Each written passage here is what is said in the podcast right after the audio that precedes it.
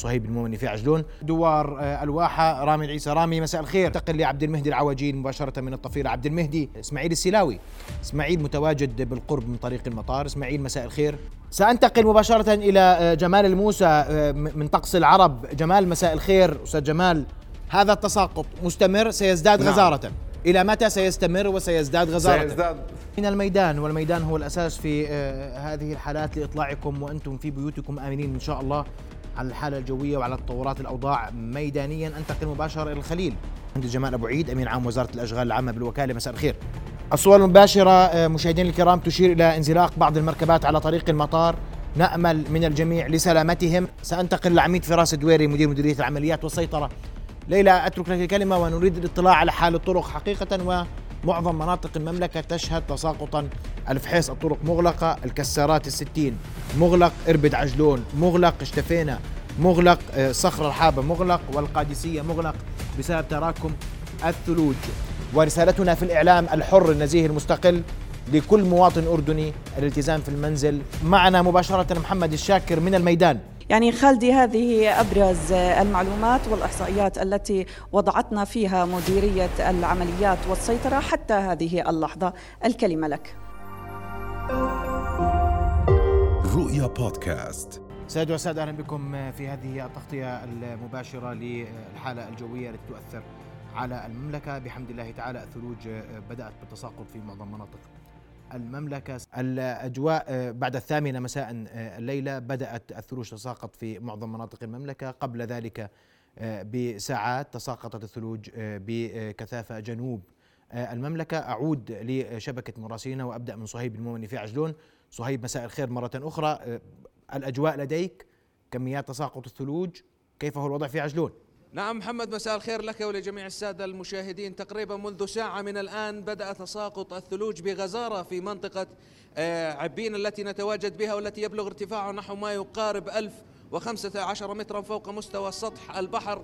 محافظة عجلون عمومها شهد تساقطا للثلوج أدى إلى ارتفاع سماكة الثلوج في عدد من الشوارع الرئيسية والفرعية. هناك آليات تابعة لوزارة الأشغال تقوم في هذه الأثناء بفتح الطرق الرئيسية والفرعية ولل وللاطلاع أكثر على حالة الطرق. سينضم إلينا مدير مديرية أشغال محافظة عجلون الدكتور ماجد العلوان. دكتور الله يعطيك العافية. الله يعافيك ويسعد مساك ومساء الخير للمشاهدين الكرام. بداية آه، بدنا نحكي عن الطرقات واستعداداتكم عدد الآليات الموجود. استعداداتكم لهذا المنخفض منذ أيام. هلا إحنا بتوجيهات من معالي وزير الأشغال العامه والإسكان المهندس يحيى الكسبي. آه تم فتح غرفة العمليات على مدار 24 ساعة منذ يوم أمس. آه، آلياتنا متواجدة في جميع الطرق في محافظة عجلون. امتدادا من محافظة تربد لمحافظة عجلون ومحافظة جرش اتجاه مستشفى الأمير هيا العسكري وكذلك من عجلون إلى القاعدة باتجاه عنجرة باتجاه ساكب. آلياتنا موجودة حاليا 30 آلية تعمل في جميع الطرق في محافظة عجلون. كوادرنا كوزارة مديرية أشغال عجلون متواجدة في في المواقع. آه الحمد لله جميع الطرق سالكة في محافظة عجلون. جميع الطرق اللي تابعة لمديرية أشغال محافظة عجلون اليوم سالكة جميعها؟ نعم الحمد لله جميعها سالكة. يعني تقريبا بدنا تحكي لنا أكثر عن توزيع الفرق في محافظة عجلون. هناك العديد من المناطق اللي هي تشهد تساقط يعني أكثر من مناطق أخرى وفي ارتفاعات يعني المنخفض هذا راح يصلها تقريبا 500 آه، متر أو 600 متر. هل هناك أي جاهزية لها؟ آه، إحنا تقريبا عندنا سبع فرق منتشرة في محافظة عجلون. آه، بتتراوح الآليات مع كل فرقة خمس آليات لست آليات. منتشر من تقاطع رحابه لتقاطع آه، صخرة بالتقاطع بين عبلين باتجاه المستشفى الأميرة هي العسكري. كذلك من تقاطع من تقاطع عبين عبلين لتقاطع اشتفينا ومن تقاطع اشتفينا باتجاه وسط بلد عجلون. وكذلك في عندي سبع أو ثمان آليات موجودة في آه، منطقة القاعدة. رسالتكم اليوم للإخوة المواطنين تحديدا اللي في بعض مركباتهم انقطعت وتقطعت بهم السبل على الطرق. هلا أول شيء إحنا مشكورين الحكومة باتخاذ قرار بتعطيل الموظفين الساعة الثانية عشرة ظهرا آه، ومع ذلك يتواجد عدد كبير من السيارات آه، في الطرق الرئيسية في محافظة عجلون. فإحنا من خلالكم ندعو المواطنين الالتزام في منازلهم وعدم الخروج لسلامتهم اولا. نعم دكتور ماجد العلوان مدير مديرية أشغال عجنون شكرا جزيلا لك. أنتقل مباشرة آه، إلى دوار آه، الواحة. رامي العيسى. رامي مساء الخير. مساء النور أهلا محمد. الأجواء لديك رامي؟ نعم محمد تساقط كثيف للثلوج هنا في شمال العاصمة عمان نتواجد الآن من منطقة دوار الواحة في تقاطع شارع وصف التل. وتقاطع دوار المدينة المنورة. كما تشاهدون هذا آه، التساقط الكثيف للثلوج الذي بدأ تقريبا منذ 40 دقيقة. هنالك آه، كما تشاهدون أيضا عبر هذه العادسة كاسحات الثلوج لأمانة عمان الكبرى تقوم بفتح الشوارع. هنالك بعض من المواطنين الذين يسيرون في مركباتهم في هذه الشوارع وهي بعض هذه المركبات للأسف غير مجهزة لهذه الأجواء. لذا ننوه للسادة المواطنين والمشاهدين بعدم الخروج من المنازل إلا للضروره القصوى. وكما تشاهدون أيضا هذه سيارة إسعاف للدفاع المدني. هنالك بعض الحالات التي تحتاج الذهاب في المستشفيات فلا نريد لا قدر الله أن ندخل في موضوع إغلاقات الطرق بسبب السيارات والانزلاقات وغيرها. هنالك في الجهة الأخرى من دوار الواحة كوادر أمانة عمان كوادر آه، نشامة الأمن العام وأمانة عمان الكبرى جاهزون للتعامل مع أي ظرف جوي سيطرأ خلال هذه الساعات القادمة من هذا المنخفض. بالطبع محمد خلال تجوالنا في منطقة شمال عمان هنالك العديد من المحال التجارية التي كانت قد أغلقت أبوابها قبل دخول العاصفة الثلجية إلا أن معظم المحال في شارع المدينة المنورة والمطاعم لا تزال تفتح أبوابها. هنالك لا يوجد اكتظاظ في جولتنا. لاحظنا على الكازيات ومحال بيع المحروقات يا محمد ولكن لاحظنا شيئا. هنالك إغلاق على نفق صافوط أو نفق صويرح المؤدي إلى صافوط وذلك منعا للانزلاق. وهذا الإغلاق حدث قبل عشرة دقائق من الآن. محمد أترككم الآن أنتم السادة المشاهدين مع هذه الصورة من دوار الواحة أشكرك رامي. لك وللزملاء العاصمة عمان منذ نصف ساعة أو أكثر بقليل بدأت تشهد تساقطا كثيفا آه، للثلوج. هذا تساقط آه، من المفترض أن يتسبب بإرباك في آه، في الطرق وإغلاق لبعض الطرق. هذه المشاهد المباشرة نترككم معها مباشرة من آه، دوار الواحة العاصمة عمان. آه، آه، للاطلاع أكثر على الأوضاع جنوب المملكة. سأنتقل لعبد المهدي العواجين مباشرة من الطفيلة عبد المهدي الأجواء لديك عبد المهدي هل هناك استمرار لتساقط الثلوج أم أنه توقف؟ حالة الطرق في الطفيلة تفضل. آه، نعم محمد مساء الخير. بالفعل كما ذكرت نحن الآن موجودون في محافظة الطفيلة وتحديدا في بلدة القادسية أقصى جنوب المحافظة. هذه المنطقة شهدت منذ ساعات عصر هذا اليوم آه، تساقطات ثلجية وتأثرت بشكل كبير في الحالة الجوية أدى إلى تراكمات آه، نوعا ما تجاوزت 2 سنتي أو أكثر. حالة الطرق الآن في هذه المنطقة هي سالكة بحذر شديد جدا نتيجة التراكمات السابقة على الطريق. تراكمات ثلجية بالرغم من أن البلديات والأشغال العامة قامت بفتح الطريق أولا بأول إلا أن التراكمات كانت تزداد أو تعود مرة أخرى بين الحين والأخرى إلا أنها آه، حالة الطرق الآن سالكة بحذر شديد. نتحدث عن حالة الطرق بشكل عام في محافظة طفيلة. جميع الطرق في المحافظة سالكة باستثناء هنا في بلدة القادسية وبصيرة والرشادية سالكة بحذر شديد. نتحدث أيضا عن طريق شريف الجنوب الذي أغلق احترازيا لصعوبة السير على هذه الطريق في ظل هذه الظروف نتيجة تشكل الضباب بالإضافة إلى تراكمات ثلجية على جوانب الطرق والذي يؤدي إلى انزلاقات نظرا لانحدار بعض والمنعطفات الخطرة التي آه، توجد على هذا الطريق. أشكرك كل الشكر على المهدي. اذا إذا أمكن تعطونا صورة مباشرة من من من حولك عبد المهدي العوجين للحالة آه، آه، الجوية والتراكمات الثلجية في محافظة الطفيلة تحديدا منطقة القادسية. آه، سأنتقل مباشرة إلى آه، إسماعيل السلاوي إسماعيل متواجد بالقرب من طريق المطار. إسماعيل مساء الخير. وتطلعنا على الأجواء لديك. تحديدا طريق المطار وهو طريق رئيسي يربط المطار بالعاصمة عمان وبقية المحافظات. تفضل إسماعيل. نعم محمد كما تفضلت في طريق المطار على يميني حي الصحابة وعلى يساري. آه، ضحية النخيل.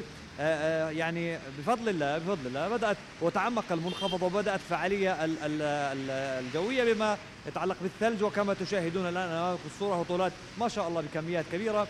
لكن آه، يعني من من الغريب إنه قبل ساعة من الآن وعندما كانت ال ال يعني الشوارع آه، ما زالت أو ما زالت لا يوجد أمطار كانت شوارع شبه خالية. الآن محمد حركة السير في طريق المطار وأنا لم أتحرك من ساعة تقريبا ساعة ونصف ونحن هنا أنا والزميل المصور. حركة السير زادت ونشاهد أيضا أعداد كبيرة من السيارات تذهب باتجاه المطار وهذا يعني للأسف ما يشكل خطورة. طبعا الآليات محمد تعمل آه، يعني الآن آه، الآن على الهواء مر إسعاف مرت آلية تابعة للأشغال ومرت آه، آلية وكاسحة تابعة أيضا للأمانة. واليوم وزير الأشغال قال لنا بإن بإذن الله طريق المطار لن يغلق بناء على تصريحاته اليوم ونحن في غرفة الطوارئ في وزارة الأشغال. وهذا الشارع من اختصاص وزارة الأشغال وليس من اختصاص أمانة عمان. الكبرى. درجات الحرارة متدنية جدا جدا محمد في هذه المنطقة وربما في معظم مناطق العاصمة عمان. ونشاهد التراكمات بدأت على الشارع على جنوات الطريق على المركبات والسماكة واضح. كل يعني كل عشر دقائق تزيد سماكة الثلج على الأرض. ويعني إن شاء الله إذا استمر حتى الصباح حتى ساعات صباح غد ربما ستكون عمان كلها آه، بيضاء. نتمنى السلامة للجميع آه، محمد ونتمنى يعني التحذيرات مرة ومرتين وكل الجهات حذرت وقالت آه، عدم الخروج عدم الخروج لأنه أيضا بدأت مظاهر الانزلاق امامنا في هذا المكان وحتى سجلنا قبل قليل أكثر من حالة حالات الانزلاق للأسف. حتى مع وجود الملح حتى مع أنا يعني وزارة الأشغال نثرت الملح إلا أن آه، هذا هذه هذه السماكة تحديدا من الثلج يعني لا هي ماء ولا هي آه، جليد ولا هي والآن في كاسحة. محمد آه، ربما ستشاهد هذه تابعة لوزارة الأشغال معها أيضا إحدى الدوريات التابعة لوزارة الأشغال. الله يعطيكم العافية الله يعطيكم العافية. إذا يعني للأسف حركة السير زادت بشكل ملحوظ. وكاسحة أيضا على الصعيد الآخر من آه من المطار إلى عمان وعلى صعيد من عمان إلى المطار. محمد إذا كنت تسمعني. هذه الصور المباشرة من عجلون آه، إحدى السيارات آه، هذه صور مباشرة من عجلون انزلاق لإحدى آه، المركبات على أحد الطرق الرئيسية في محافظة عجلون. نتابع صورا مباشرة من العاصمة عمان من آه، منطقة دوار الواحة طريق المطار عجلون. وأيضا هناك صور مباشرة تردنا الآن من الخليل آه، حيث تشهد محافظة الخليل في فلسطين المحتلة تساقطا كثيفا للثلوج. هذه صور مباشرة من الخليل في فلسطين المحتلة. سنكون آه، مع صور أيضا مباشره من مناطق مختلفة من المملكة. هذه آه، الصور تصلنا تباعا تردنا تباعا. هناك حركة سير آه، تحديدا في عمان دوار منطقة دوار الواحة كما تتابعون. هناك حركة سير نشطة في منطقة دوار الواحة كما ذكر مراسلنا. أيضا طريق المطار شهد يعني حركة سير أشد مما كانت عليه قبل ساعة من الآن عندما كانت الأجواء أفضل بقليل مما هي الآن. سأنتقل مباشرة إلى آه، جمال الموسى آه، من طقس العرب. جمال مساء الخير أستاذ جمال. هل تسمعني بداية؟ أسمعك بشكل جيد. مساء الخير لحضرتك ومساء الخير لجميع المشاهدين. أستاذ جمال بحمد الله بدأت الأحوال الجوية اليوم آه، يعني بدأت قبل ساعة من الآن إن صح التعبير. دخلت الموجة الثلجية وبدأنا نشهد تساقطا كثيفا للثلوج. آه، بدي أعرف منك المناطق اللي تشهد تساقط للثلوج. الآن المناطق التي نتوقع التي التي التي شهدت قبل ساعة والتي تشهد الآن آه، بدأت في المناطق الجنوبية وجبتوه بالتقرير الرؤيه وأيضا آه، جبال عجلون آه، عبين وراس منيف ومعظم جبال عجلون. النعيمه أيضا تساقطت فيها الثلوج وأيضا جبال البلقاء والعاصمة عمان أيضا تتساقط فيها الثلوج. وقبل شوي أنا قدرت عن بعد التراكمات يمكن حوالي بضع سنتيمترات بين ثلاثة إلى خمس سنتيمترات. تقريبا ولا زالت الثلوج هاي بداية وبداية دخول الجبهة الهوائية الباردة المصاحبة للمنخفض الجوي. فيها غيوم كثيفة وسمك الغيوم كبير غيوم ركامية. أيضا فيها برد وبرق ورعد. معظم الأجواء الآن أصبحت باردة انخفاض على درجات الحرارة. درجات الحرارة تقترب من الصفر المئوي وأيضا آه، هطولات مختلفة. مناطق المنخفضة أمطار غزيرة وبرق وبرد ورعد والمرتفعات الجبلية التي يزيد عن 800 متر آه، تساقط ثلوج وأحيانا تشتد غزارة الثلوج. وفي الساعات القادمة حيث ذروة الجبهة الهوائية وعندما تدخل الجبهة الهوائية في في طبقات الجو العليا. هنا يكون ذروة الحالة الجوية وأيضا أبرد شيء والجزء الأبرد من المنخفض الجوي والمنظومة الجوية اللي بتأثر على المملكة وبالتالي سيزداد في الساعات القادمة الهطولات الثلجية وتزداد التراكمات بإذن الله. هذه هي الوضعية الجوية الحالية والجبهة واضحة من صورة الغيوم. كيف الجبهة جمال اسمح لي أقاطعك. بشكل واضح إلى طيب، المملكة؟ طيب. أستاذ جمال. تفضل. إحنا الآن بنحكي عن تساقط آه، آه، ثلوج بدأ ما بعد الثامنة مساء. هذا التساقط مستمر سيزداد نعم. غزارة؟ نعم صحيح.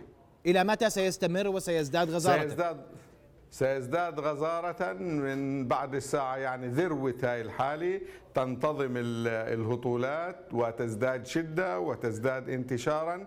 تقريبا من الساعة 10 11 هذه الليلة وحتى صباح يوم الخميس. هذه ذروتها وشدة الحالة الجوية وبالتالي تحدث التراكمات في هذه الفترة.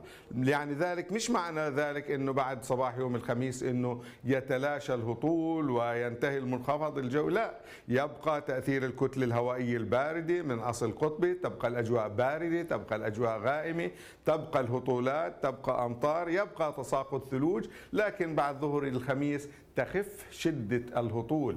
المقصود في شدة الهطول هي كمية المطر الساقط في وحدة الزمن أو كمية الثلج في وحدة الزمن. تخف الشدة. فهاي المقصود فيها. وتبقى الأجواء باردة وغائمة وماطرة مع فرص لتساقط الثلوج وأمطار ممزوجة بالثلوج حتى آه، مساء الجمعة وحتى أحيانا صباح السبت. بعد السبت بالنهار تستقر الأجواء.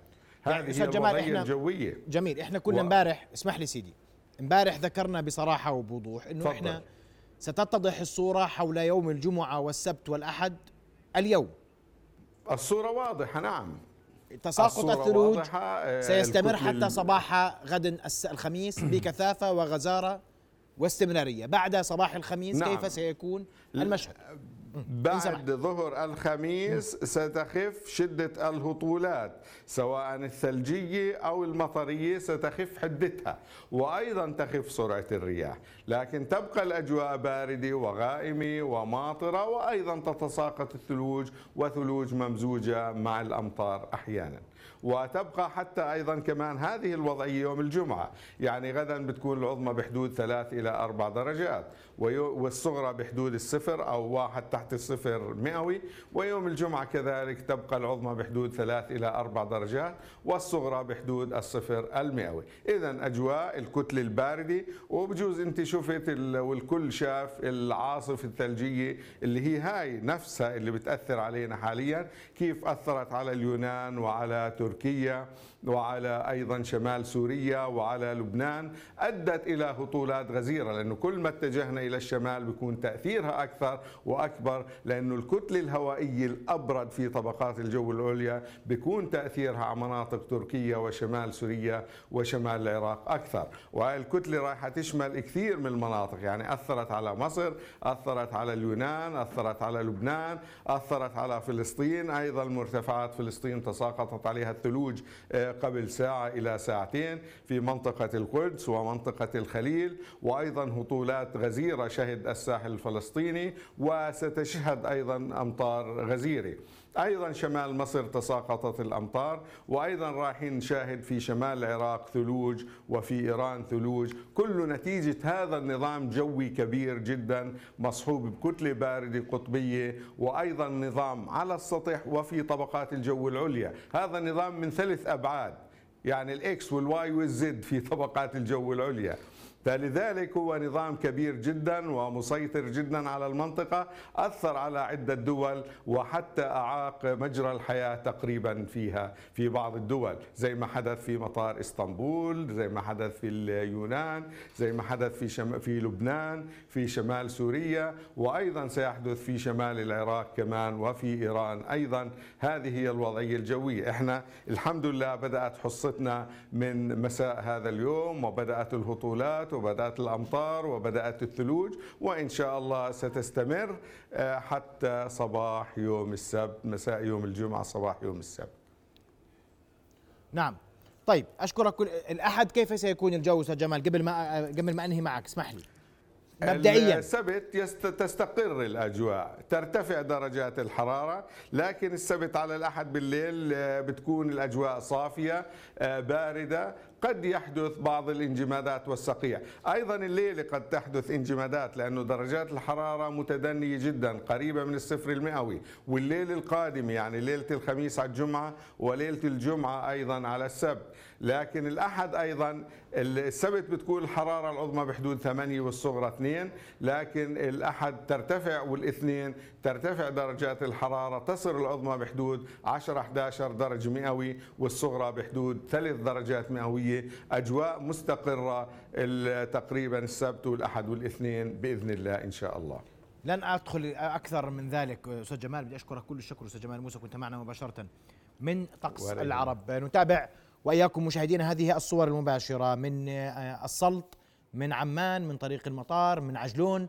هذه آه، آه، هذه الصور المباشرة من من رؤية. نستعرض وإياكم هذه الصور التي أردنا اولا بأول. أيضا سأعود لصور مباشرة من الخليل. هذه الصور المباشرة أعلى الشاشة أعلى يمين الشاشة هي للخليل. في فلسطين المحتلة ولتشهد أيضا تساقطا كثيفا للثلوج. من الميدان والميدان هو الأساس في آه، هذه الحالات لإطلاعكم وأنتم في بيوتكم آمنين إن شاء الله على الحالة الجوية وعلى تطورات الأوضاع. ميدانيا أنتقل مباشرة إلى الخليل التي تشهد تساقطا كثيفا للثلوج في فلسطين المحتلة. من الخليل مباشرة مساء الخير. الأجواء لديكم. مساء الخير آه، زميلي لك ولجميع المتابعين. نحن الآن نتواجد في مدينة حلحول شمال مدينة الخليل حيث تشهد كما تشاهدون سقوط كثيف منذ حوالي الساعة للثلوج في المنطقة والتي بدأت تتراكم بكميات جيدة جدا. حسب ما تقول الأرصاد الفلسطينية بأن مدينة حلحول التي تعتبر من أعلى المناطق في مدينة الخليل وفي الضفة بشكل عام ستشهد سقوط كثيف للثلوج هذه الليلة حتى ساعات الفجر. هنا المواطنون والشبان بالتحديد بدأوا بالخروج إلى الشوارع لي ليلهون ويلعبون بالزائر الأبيض آه الذي زارهم آه هنا. آه محافظة الخليل بشكل عام وفي فلسطين بشكل عام وفي محافظة الخليل بشكل خاص عملت الجهات المسؤولة والطواقم على تشكيل لجان مختصة للطوارئ. لجان الطوارئ تعمل على مدار الساعة تتكون من كافة المؤسسات الرسمية والمؤسسات التعاونية وكافة المؤسسات الشريكة وأيضا بعض المتطوعين تعمل على فتح الشوارع. قبل قليل مرت من هنا بعض الآليات التي عملت على فتح الشارع أمام بعض المواطنين العالقين. كل الطواقم في مدينة حلحول بالتحديد التي نتواجد فيها تعمل على مدار الساعة من أجل تجاوز كافة العقبات ومن أجل تسهيل مهمات المواطنين تمتاز بارتفاعها العالي ومن المتوقع أن تشتد تساقط الثلوج يشتد تساقط الثلوج هنا ومن المتوقع صباحا أيضا أن تكون على ارتفاعات عالية وعالية جدا. أشكرك كل الشكر هذه الصور المباشرة أذكر من الخليل عجلون والعاصمة العاصمة عمان من دوار الواحة ومن طريق المطار. للاطلاع أكثر حقيقة على حال الطرق. إن صح التعبير المهندس جمال أبو عيد أمين عام وزارة الأشغال العامة بالوكالة. مساء الخير. مساء الخير أخي محمد. مساء الخير لك وللساده المشاهدين. مهندس جمال يعطيكم العافية. بداية غرفة عمليات الأشغال العامة كيف هي الأوضاع لديكم؟ عدد الشكاوى حال الطرق التابعة للوزارة. نعم نعم. الحمد لله وإحنا في حضرة الضيف العزيز الكريم الزائر الأبيض. نسأل الله أن تكون آه، ثلوج خير وبركة على بلادنا العزيزة. إن شاء الله. مثل ما بتعرف أخي محمد أنه بناء تقرير الأرصاد الجوية تم الإعلان وتفعيل خطة الطوارئ القصوى منذ صباح اليوم الأربعاء وهي يعني أنه تفعيل خطة الطوارئ المعتمدة في 14 مديرية أشغال بالإضافة ل آه، في في كافة محافظات المملكة هذه الغرف طبعا مثل ما بتعرف الجميع صار أصبح يعرف إنها معززة ب 98 فرقة ميدانية مزودة هذه الفرق ب 350 آلية ومعدة. طبعا إحنا منذ مساء الأمس تم توزيع كافة الآليات في المناطق الساخنه والمتوقع أن يحدث عليها تراكمات ثلجية في الطرق. ونحن طبعا على أتم الاستعداد والتنسيق على أعلى المستويات مع شركائنا في الميدان مثل نشام الأمن العام والقوات المسلحة والأخوة في البلديات وشركات الكهرباء والمي وأمانة عمان ونقابة المقاولين الأردنيين. آه، إحنا لحد الآن خليني أحكي لك يعني ما وردني قبل تقريبا خمس دقائق عن بعض الإغلاقات. أرجوك مهندس جمال تفضل. آه. آه، طريق دبة حانوت أبو اللسن هي مغلقة احترازيا حقيقة يعني شغالين فيها. طريق دبة حانوت أبو اللسن من مثلث المريغة لطريق النقب القديم. بالإضافة إلى مثلث الراجف إلى مثلث النقب اللي هو بسموه الطريق الملوكي. وكذلك في عندنا يعني احترازيا طريق أربد عجلون شغالين طبعا إحنا عليها لكن هي مغلقة احترازيا بسبب آه، آه، تدني مدى الرؤية نحكي. يعني مش كثافة الثلوج تدني مدى الرؤية عليها. وطريق آه، في الطفيله غرندل شري في الجنوب. لحد هذه اللحظة هذه الطرق اللي هي مش مغلقة لكن سالكة بحذر شديد نحكي. تفضل. باقي الطرق في المملكة؟ يعني باقي الطرق الحمد لله سالكة وآلياتها تعمل منذ يعني تساقط الثلوج وهي شغالة الآن تفتح كل الطرق اللي ممكن اللي بيصير فيها تساقطات للثلوج. مهندس جمال حال طريق المطار انت كرمت طريق المطار يعني في عندنا عديد من الآليات شغالة الآن في هذه اللحظة وقاعدة يعني من أول ما بلش الثلج ينزل بلشنا آه، آه، نفتح في الطريق حوالي في عندي 24 آلية تعمل على طريق المطار حاليا. من جريدر ولودر وكافة الآليات اللازمة شغال الآن حاليا على طريق المطار. نعم. نعم.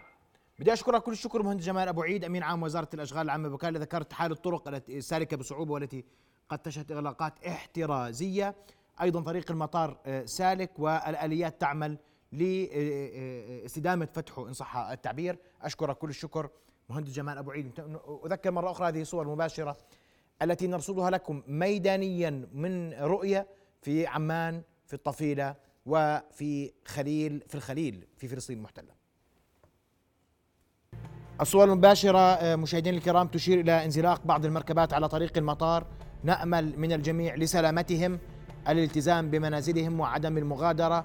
إلا عند الضرورة نذكر أن آه، طقس العرب يؤكد أن الحالة الجوية التي تمر بها المملكة تشتد خلال الساعات القليلة المقبلة. وستكون الحركة أكثر صعوبة على الطرق الرئيسية والفرعية في مختلف مناطق المملكة تحديدا العاصمة عمان.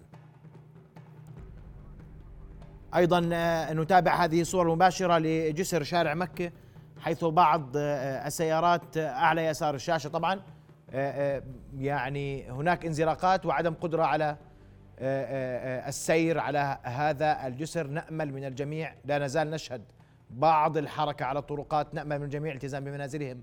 العودة بشكل آه، مستعجل للمنازل والالتزام بها إلا عند ضرورة القصوى آه، منعا لأي حوادث لا سمح الله في هذه الحالة الجوية. حتى نطلع على حالة الطرق في عمان. أرحب بالناطق إعلامي باسم أمانة عمان ناصر رحامنة أستاذ ناصر مساء الخير. مساء الخير والله يعطيك العافية. الله يعطيكم العافية. أولا أستاذ ناصر تطلعنا على ال- الوضع عندكم الآن حالة الطرق في عمان. ونصيحتك للمواطنين نتابع بعض المشاهد واللقطات لسيارات لا تزال تسير على طرقات العاصمة عمان. تفضل. شكرا آه، أخي محمد الله يعطيك العافية. يعني عمان بدأت تشهد آه، تساقط للثلوج خاصة كثيف في شمال عمان وفي غرب عمان ومن المتوقع مثل ما كان معكم آه، قبل شوي إنه في هطول أكثر إن شاء الله.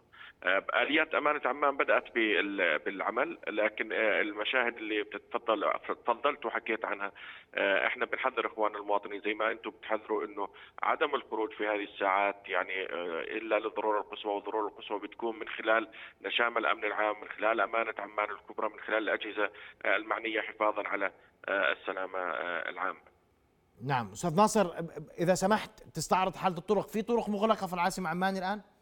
يعني بدأت الآن في آه، الثلوج بالتراكم القليل. لذلك الآن تتحرك آليات أمانة عمان الكبرى آه، لفتحها خاصة في خلينا نحكي في صويلح وفي مناطق شمال عمان تحديدا. آه، الآن في مناطق بدر الجديدة في دابوق يمكن كمان هذا الوضع الآن الآليات شغالة. لكن إحنا بدنا الأهم بالنسبة لنا هو القطاع الصحي. تكون الطرق الواصلة إلى المستشفيات والمراكز الصحية آه، بعملية الفتح بالتكرار لأنه الهطول آه، متكرر وممتد لساعات فلذلك يجب علينا العمل لساعات حتى تظل مثل هذه الشوارع فاتحة بالأولوية القصوى. نعم.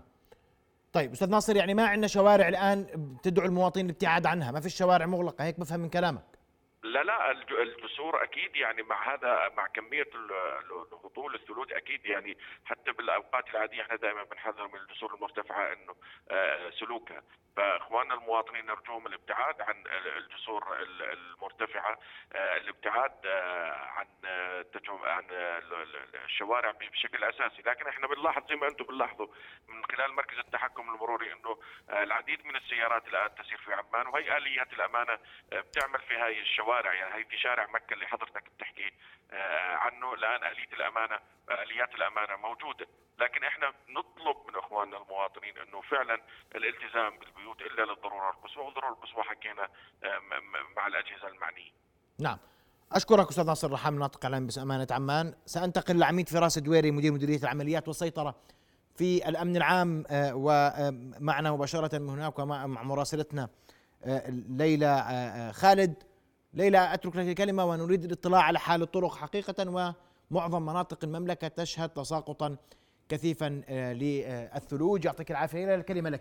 نعم خالدي يعني منذ ساعات الصباح وجميع آه، الجهات آه، موجودة في غرفة عمليات مشتركة تتابع آه، جميع الحالات جميع الطرق في كافة أنحاء المملكة. للحديث أكثر عن هذا الموضوع ينضم إلينا مدير مديرية العمليات والسيطرة العميد فراس الدويري ليطلعنا أكثر حول استعداداتكم وكيف تلقيتم البلاغات لجميع الحالات خصوصا وأنه حتى هذه الساعة تجاوزت البلاغات الخمسة 15 ألف بلاغ. اطلعنا على كيف تعاملتم مع هذه البلاغات. أه، أسعد الله مساءكم جميعا. وكما أنتم معنا منذ الصباح الباكر زادت عدد زاد عدد المكالمات أو البلاغات المستقبله عن 16200 أه، بلاغ منها 1800 أه، خاصة بالدفاع المدني. تم التعامل منذ اللحظات الأولى بنظام المراقبة الإلكترونية لحالة الطرق وتراكم الثلوج. المنخفض الآن بدأ يأخذ حالته آه، آه، خلينا نقول عمق في الحالة بحيث الآن بدأت الثلوج تتساقط على العاصمة الحبيبة عمان وبفضل الله الأمور مطمئنة والأمن الأمن العام بكافة كوادره وبالتعاون مع الشركاء هو الآن يقوم بتقديم المساعدة مع التنويه على أن هنالك بعض الطرق المغلقة على مستوى المملكة. إذا سمحتوا لي أشير فيها.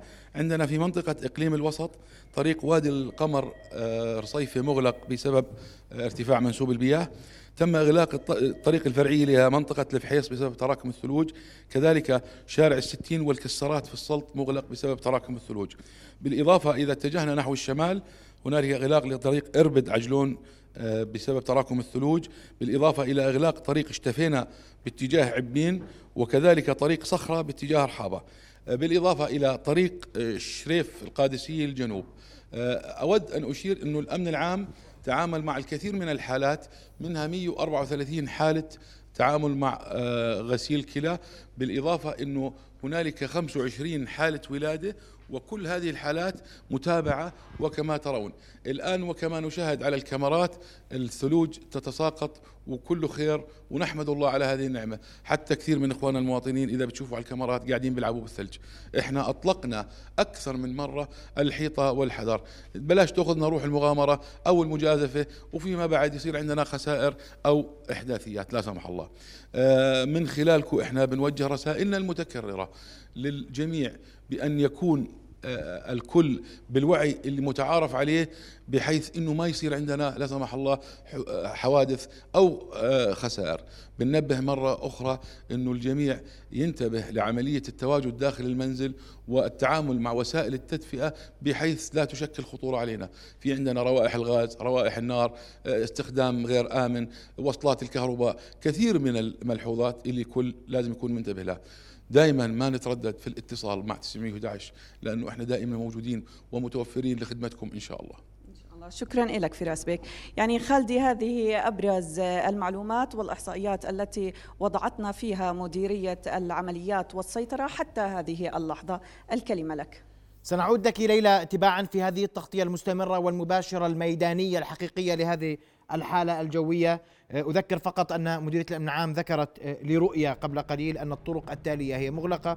أحدها لارتفاع منسوب المياه هي طريق آه، في رصيفة الفحيص الطرق مغلقة. الكسارات الستين مغلق. إربد عجلون مغلق. اشتفينا مغلق. صخر الحابة مغلق. والقادسية مغلق. بسبب تراكم الثلوج سنكون معكم أولا بأول. أذكر فقط أننا نتابع صور مباشرة للأسف لا نزال نشهد حركة سير على الطرقات بسيارات غير مهيئة للتعامل مع الحالة الجوية التي يعني آه، آه، تعيشها المملكة وتشهدها المملكة خلال آه، الساعة الماضية والساعات المقبلة. نأمل من الجميع هذه رسالة الأمن العام رسالة الأجهزة المعنية ورسالتنا في الإعلام الحر النزيه المستقل لكل مواطن أردني الالتزام في المنزل إلا للضرورة. الضرورة فقط هي ما تدعوكم للمغادرة المنازل. وبادروا بالاتصال ب 911 ستلبي الأجهزة المعنية آه، طلبكم آه، بإذن الله آه، ليكون هذا المنخفض منخفض خير على الأردنيين جميعا إن شاء الله. نتابع هذه الصور المباشرة أيضا من دوار الشعب حيث تقوم الآليات المعنية في أمانة عمان بفتح الطرقات. تابعنا صورا مباشرة ل وتحذير مباشر من أمانة عمان للمواطنين بعدم آه، سلوك الجسور نظرا للحالة الجوية وكميات الثلوج التي تتساقط في هذه الأثناء. إذا مرة أخرى هذه مشاهد مباشرة من منطقة الدوار الثامن. أيضا حركة سير لا تزال موجودة على هذه الطرقات. نذكر أن آه، حال الجسور آه، ليس يسرا لسير المركبات. نأمل من الجميع الالتزام بمنازلهم. نشهد هذه الحركة المباشرة التي تبثها رؤية عبر مختلف مناطق المملكة. نأمل من الجميع الالتزام في المنازل. سنبقى مع هذه المشاهد المباشرة من مختلف مناطق المملكة ومن ثم سنكون مع فاصل قصير. بعد الفاصل سنواصل معكم في هذه التغطية. سنلمس احتياجاتكم وكل ما يعني ترغبون بسماعه والاطلاع عليه سيكون عبر نبض البلد وعبر شاشة رؤية في هذه التغطية الخاصة والمستمرة والمتواصلة حتى العاشرة والنصف. مساء. نواصل وإياكم هذه التغطية آه، المباشرة. سنتابع صورا آه، ميدانية وردنا قبل قليل والتقطت عدسة رؤية قبل قليل آه، بعد الإرباك على طريق المطار وعلى ما يبدو وجود حوادث على هذا الطريق نتيجة انزلاقات. نتابع أيضا صورا مباشرة من محافظة عجلون. عجلون تشهد تساقطا كثيفا للثلوج. هذه صور مباشرة من عجلون اذا سأعود الحقيقة لشبكة المراسلين والصور المباشرة. لكن قبل ذلك سأنتقل للمهندس محمد دسعفان مدير خطة الطوارئ في شركة الكهرباء الأردنية. مهندس محمد مساء الخير. يسعد مساك ومساء جميع المتابعين والمشاهدين. مهندس محمد انت كرمت هل لديكم أي شكاوى من قطاع تيار كهربائي وكيف هو الحمل الكهربائي الآن؟ يعني بداية منذ الإعلان عن الحالة آه، الجوية أعلنت شركة الكهرباء آه، خطتها القصوى للتعامل مع آه، الحالة الجوية وقمنا بفتح ما يزيد على 35 غرفة عمليات وهذه غرف العمليات في مناطق عمل الشركة في محافظات الوسط الأربعة عمان والزقاء ومأدبة آه، والصلب. وجميع هذه الغرف هي مزودة بجميع الكوادر الهندسية والفنية والعدد آه، والمعدات. وبحمد الله يعني مر هذا اليوم يعني كيوم آه، اعتيادي بالنسبة للشركة. ولم تسجل هناك أي أعطال يشار إليها بالأهمية. نعم. غرفة العمليات مستمرة في تلقي الاتصالات مهندس محمد. نأمل أن نعم. يعني كما عودناكم وعودنا جميع الإخوة المواطنين بأن شركة الكهرباء دائما تعمل على مدار آه، الساعة وغرف العمليات آه، تفتح 24 ساعة. ونحن آه، جاهزين وبطمن الجميع بأنه ما زلنا بالميدان وسنبقى بالميدان في خدمة المواطنين. نعم أشكرك مهندس محمد. أنتقل مباشرة إلى مراسلنا من عمان رامي. رامي مساء الخير. أهلا محمد مرة أخرى. نعم محمد شكرا لك ولا صهيب. نحن الآن نتواجد على مشارف دوار خلدة في العاصمة عمان. كما تشاهد عبر هذه العدسة وفي هذه الصورة السيارات تذهب إلى الدوار بشكل بطيء جدا وذلك نتيجة بدء تراكم الثلوج التي يقارب على آه، بدء آه، تساقط الثلوج تقريبا ساعة ونصف منذ الساعة الثامنة من مساء هذا اليوم. هنالك صادفنا في جولتنا من منطقة آه، دوار الواحة إلى قبل دوار خلدة أن هنالك بعض السيارات والتي للأسف كنت قد قلتها قبل قليل قبل هذا البث المباشر معك محمد آه، أن معظم السيارات غير مجهزة لهذه الأجواء وهذا المنخفض الجوي وننوه أيضا مرة أخرى ومرارا وتكرارا بعدم الخروج إلا للضرورة القصوى. فهذا الأمر يؤدي إلى يعني إغلاقات للطرق يؤدي إلى أن كوادر أمانة عمان بدل من أن تقوم عبر كاسحات الثلوج بفتح الطرق تقوم بمحاولة تحريك السيارات العالقة. هذا الأمر يعني يؤدي إلى جهد كبير من كافة الكوادر بالإضافة إلى كوادر الأمن العام المنتشرة في كافة أنحاء مناطق شمال عمان التي رصدناها عبر جولتنا والتي بدأت منذ الساعة العاشرة من صباح هذا اليوم. محمد هذا أبرز ما لدي هنا من منطقة خلدة وسنوافيكم بكل التفاصيل. التفاصيل في المواجز والنشرات القادمة. نعم أشكرك رامي سأنتقل مباشرة إلى صهيب. صهيب الكلمة لك. مساء الخير صهيب.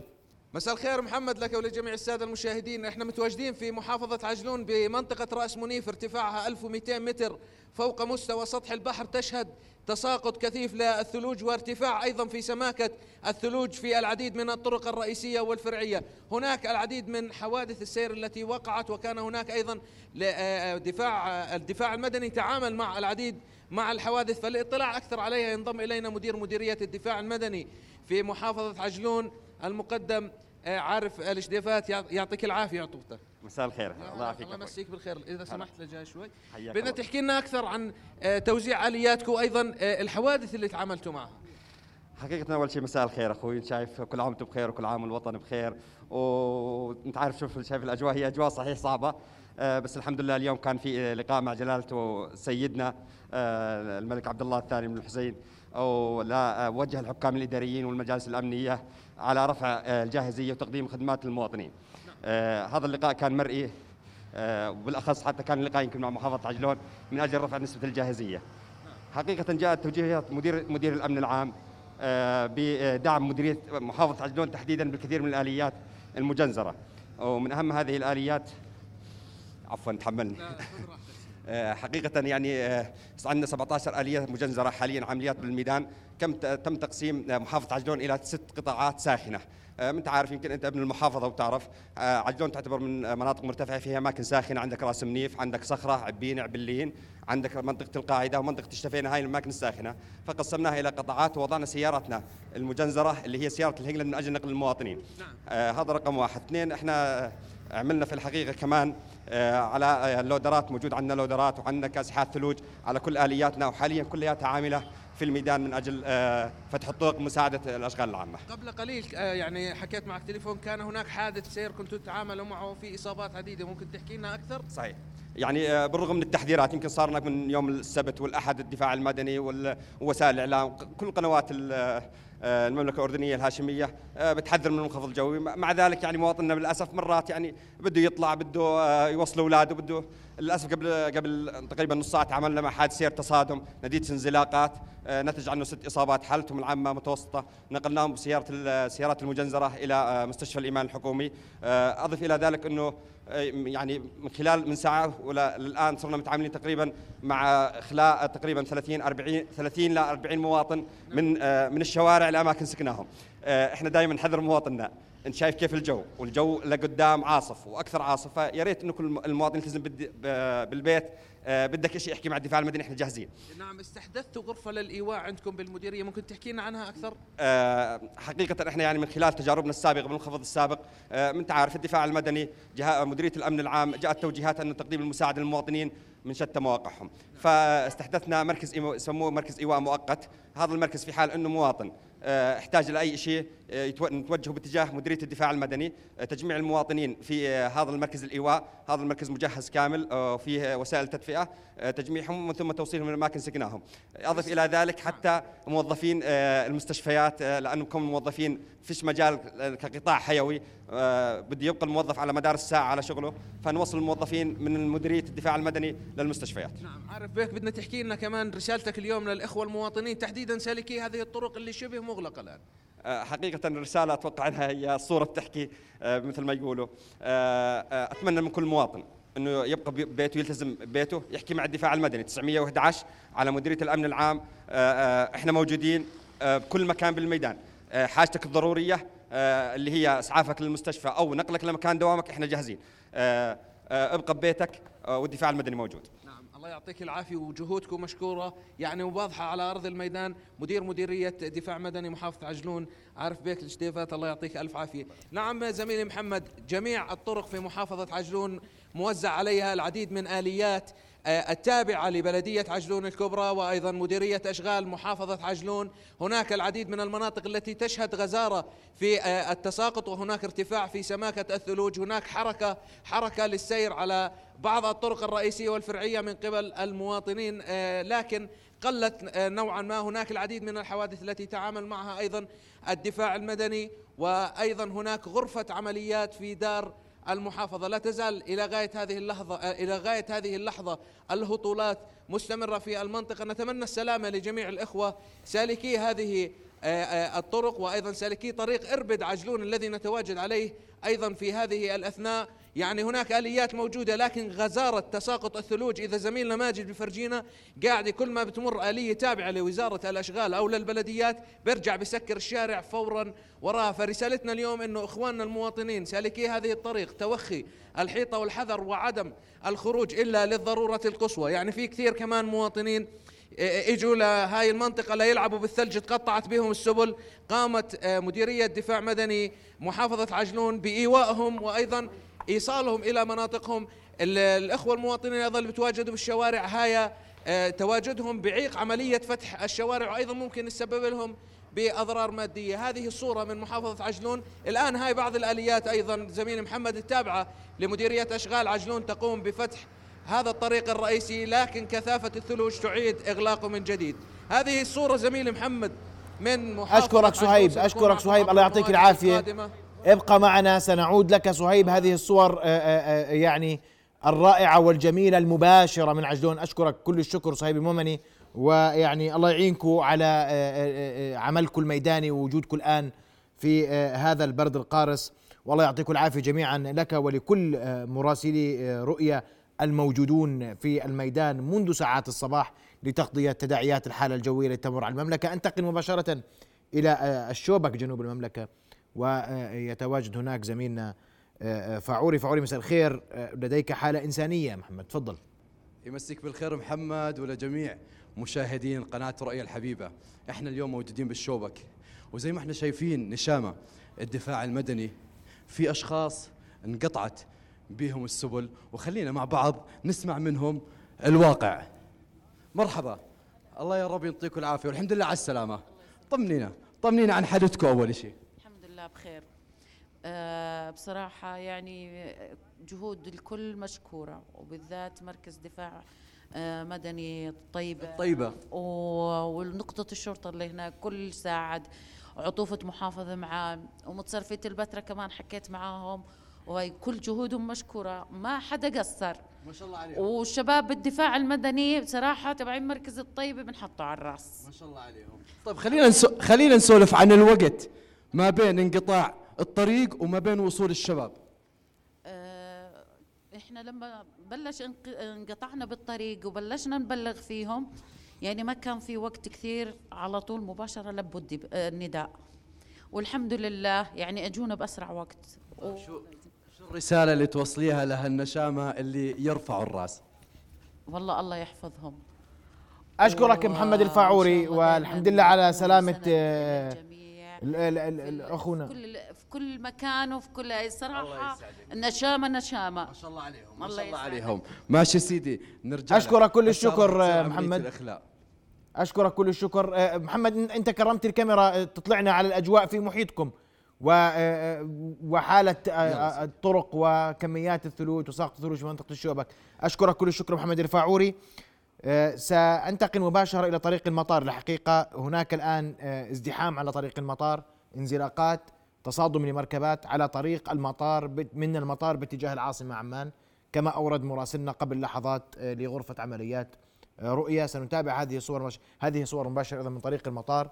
ل- للأسف هذا الطريق يشهد ازدحامات مرورية آه، رغم التحذيرات المستمرة آه، للأخوة المواطنين بعدم سلوك الطرق أو آه، أخذ هذه الطرق كون تساقط الثلوج يزداد في الساعات آه، آه، ال- القليلة القادمة وسيزداد خلال الساعات آه، آه، ال- ال- القادمة نأمل من الجميع الالتزام آه، بمنازلهم حفاظا على سلامتهم وعدم الخروج إلا للضرورة وبسيارات مهيئة على أقل تقدير للتعامل مع الحالة الجوية التي نتابعها ونشاهدها أترككم مع هذه المشاهد المباشرة من طريق المطار.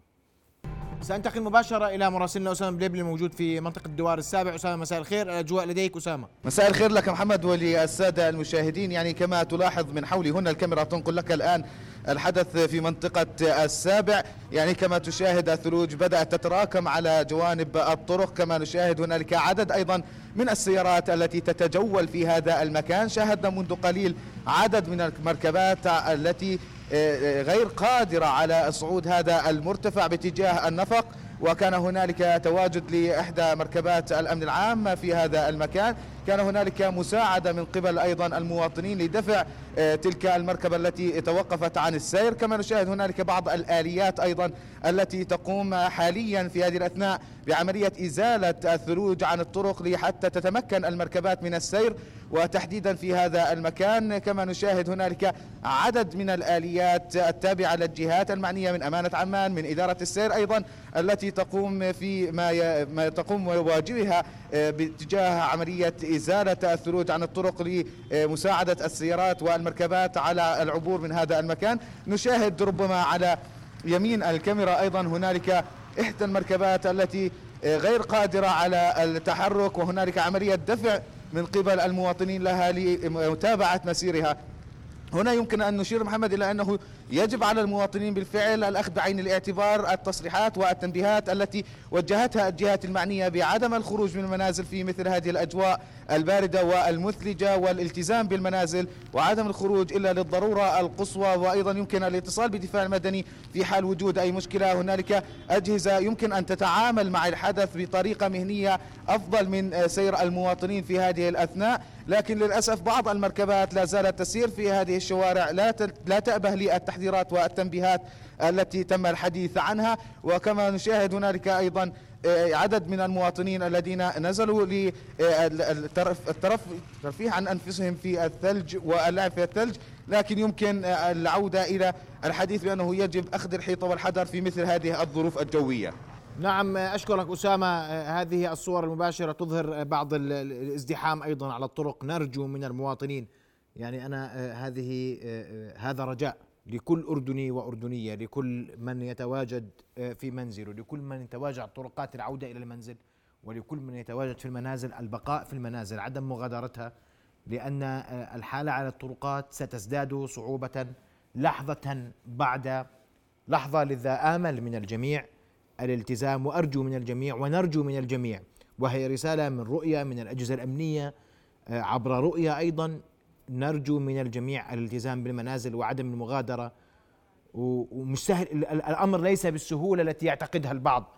الخروج في هذه الأجواء وأن آه، تصبح عالقا في آه، الشوارع هذا يسبب أزمة للجهات المعنية ويسبب أزمة للجميع.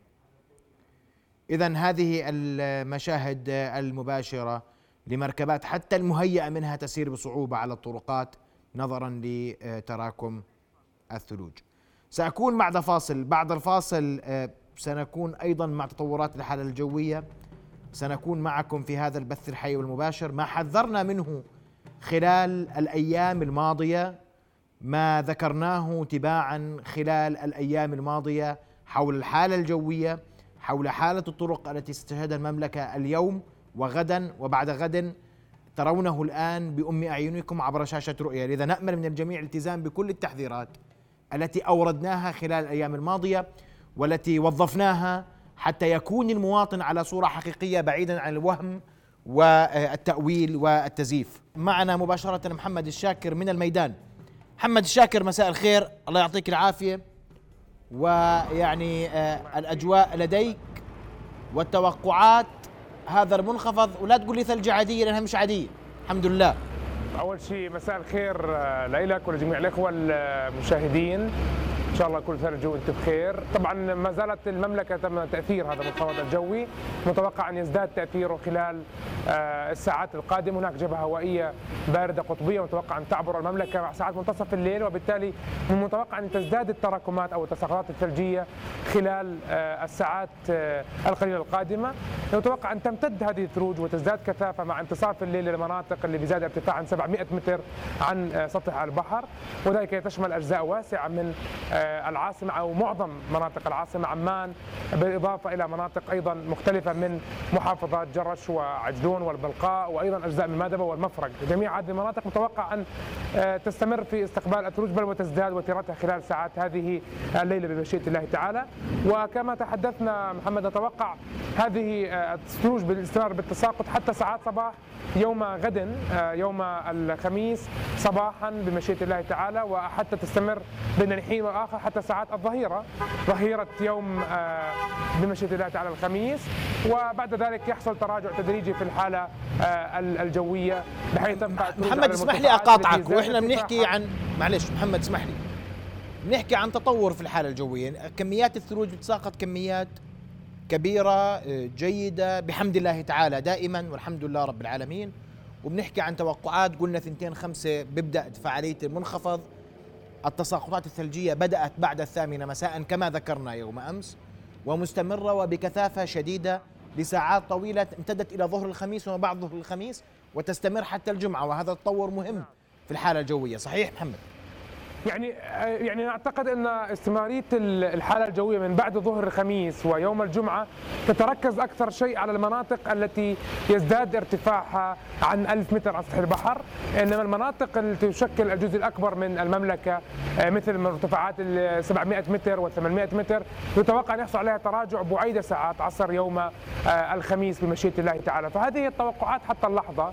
ما زالت التوقعات التراكمات كمتوسط هو ما بين آه، 10 إلى 20 سنتيمتر من الثلوج متوقع صباحا وغدا في متوسط العاصمة عمان. أعالي العاصمة عمان ممكن كما ذكرنا تتجاوز حاجز ال 20 آه، سنتيمتر من آه، الثلوج بمشيئة الله تعالى. طبعا هذا هذه التوقعات بأن ما زلنا ما دخلنا إلى مرحلة الذروة. الذروة يتوقع أن تبدأ محمد تقريبا يعني عند انتصاف آه، هذه الليلة. يعني مع ساعة منتصف الليل تصبح هناك ذروة ثلجية متوقعة بمشيئة الله تعالى. وفي هذه الحالة طبعا تمتد التساقطات الثلجيه تشمل مناطق يصل آه، ارتفاعها إلى 700 متر وربما أقل في بعض الأوقات. وبالتالي نتوقع كثافة أكبر بالثلوج في ذلك الوقت بمشيئة الله تعالى. نعم محمد الآن بنحكي آه، وبدي أحكي معك بكل صراحة. خلال أيام أنا خليني أكون معك دقيق جدا. خلال قبل الساعة 8 وبعد الساعة الثانية يعني ممكن كان في زخم على مواقع التواصل الاجتماعي. وحديث مستمر. وين الثلج؟ وين الثلج؟ وين الثلج؟ وتحملت ضغطا كبيرا أنت والزملاء في طقس العرب. الله يعطيكم العافية. اليوم يشاهد الأردنيين الثلوج ووظفنا كل ما تملكون من أدوات للتنبؤ الجوي لغايات تحذير المواطنين من هذه الحالة الجوية حرصا على سلامتهم. أسمع وجهة نظرك محمد. يعني أول شيء أخي محمد شكرا على هذه هذه الملاحظة. بشكل عام يعني آه، بحب أعلق هذا الموضوع بشقين. الشق الأول طبعا الضغط الذي كان موجود ومقدار الكلام الذي وجه في وسائل التواصل الاجتماعي مقبول في نهاية الأمر من قبل الناس تنتظر الثلج وتود معرفة بدأ بدء الثلج. بالرغم أنك يوم أمس سألتني متى سيبدأ الثلج في عمان قلت لك في الساعة الثامنة. ولكن ربما حصل لبس عند بعض الناس في ذلك الأمر. لكن ربما هو غير مقبول أقول محمد أقول عبر شاشة رؤية وعبر نبض البلد. بأنه تم اليوم تداول رقم هاتفي الشخصي وعائلتي أيضا والعديد من الشتائم وصلتني على وسائل التواصل الاجتماعي وعبر هاتفي ومكالمات عديدة. هذا مش من شيمنا ومش من أخلاقنا أنه إحنا يعني أستقبل اليوم مئات المكالمات نصها مسبات يعني مش حلوة. وأيضا رسائل على الواتساب وغيره. في نهاية الأمر إحنا علم تنبؤات جوية هو علم احتمالي. ممكن يتحمل هامش خطأ. قد يعتقد البعض أننا قد تأخر موضوع الثلج اليوم ربما رأى البعض ذلك هناك موضوع في تأخر. ولكن بشكل عام آه، التوقعات كانت تسير على نحو شبه دقيق. البعض كان يقول لي أيضا أن التطبيقات العالمية لا تضع ثلوج مساء اليوم. فالآن أستطيع الرد أقول نعم آه، لا تضع ونحن وضعنا والثلوج تتساقط في الخارج. بالتالي هذه توقعات يمكن أن تصيب يمكن لكنها أصابت في نهاية الأمر والضغط مفهوم ولكن ملاحظتي الوحيدة كانت ومناشدتي بمن آه، تناقل رقم هاتفي وأساء استخدامه الشخصي. يعني هذا أمر أو هي مساحة شخصية في نهاية الأمر والثلج مش بيدي يا أخوان الثلج بيد رب العالمين. في نهاية المطاف أتمنى أن تكون هذه ثلوج ثلوج خير وأتمنى أن تكون تعم السلامة مستمرة إن شاء الله غدا. وغدا تكون آه، يعني إن شاء الله يكون صباح أبيض آه، يعني يستقبله الأردنيون جميعا ويستمتعوا بهذا التساقطات الثلجية. محمد وفي نهاية الأمر مرة أخرى ارجع أكرر يعني آه، أي ملاحظة دائما نأخذها؟ وتوقعات من من يعني من أي جهة في نهاية الأمر؟ هناك يعني علم احتمالي وهذا بيد رب العالمين. وإن شاء الله أن نكون دائما عند حسن الظن وأن تكون توقعات وفق ما هو متوقع. محمد أنا بدي أشكرك كل الشكر. أذكر أننا يعني بشاركتنا معكم في طقس العرب بما قمنا بتغطيته خلال الأيام الماضية. للحالة الجوية كان هدفنا الرئيسي هو سلامة وأمن المواطنين وهذا كل ما يهمنا من من خلال ما نذكره ما نتوقعه ما نحذر منه. وباستخدام العلم ورب العالمين يعني حثنا على استخدام العلم وعلى العلم. بحمد الله استطعنا أن نحذر الناس مما يحدث الآن وتحدثنا بواقعية وبكل دقة عما نقرأ من توقعات. وكان هذا آه، هو ديدنا في نبض بلد خلال سنوات طويلة. وهذا منذ فترة طويلة من الزمن. محمد محمد اليوم رسالتك للمواطنين للتعامل مع الساعات المقبلة. هل من انجمادات محمد ووجدت كان في تساؤلات؟ هل نتوقع انجمادا ليلة الخميس الجمعة الجمعة السبت السبت الأحد؟ الخميس الجمعة والجمعة والسبت لا يوجد انجماد بشكل عام. الليلة القادمة يوجد فرصة للانجماد على قمم المرتفعات الجبلية العالية سواء الوسطى أو الشمالية. تساقطات ثلجية آه، آه، هذه ستكون آه، يعني مترافقة مع 8 درجات حرارة دون الصفر في وقت معين في ساعات الليل خاصة فوق المناطق الجبلية العالية. طبعا دعوتنا للجميع للمركبات الغير مجهزة أن لا يستهين بهذا الثلج حتى وإن يستطيع الآن المسير لكن هذا الثلج قد يتزايد بشكل مفاجئ وبالتالي يعطل المسير على الطرقات.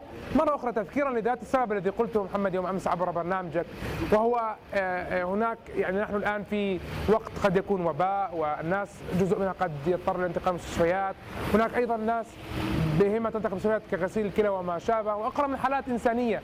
فبهمنا أن نبقي الطرق بشكل عام مفتوحة و يعني ماشية للناس هذه. أكثر من إحنا نطلع ولا سمح الله نعلق بالثلج. فهذه رسالتنا الأساسية بالنسبة لموضوع التوصيات ودائما ندعو الجميع للاستخدام الآمن لوسائل التدفئة وأيضا الاستخدام الآمن لوسائل التواصل الاجتماعي.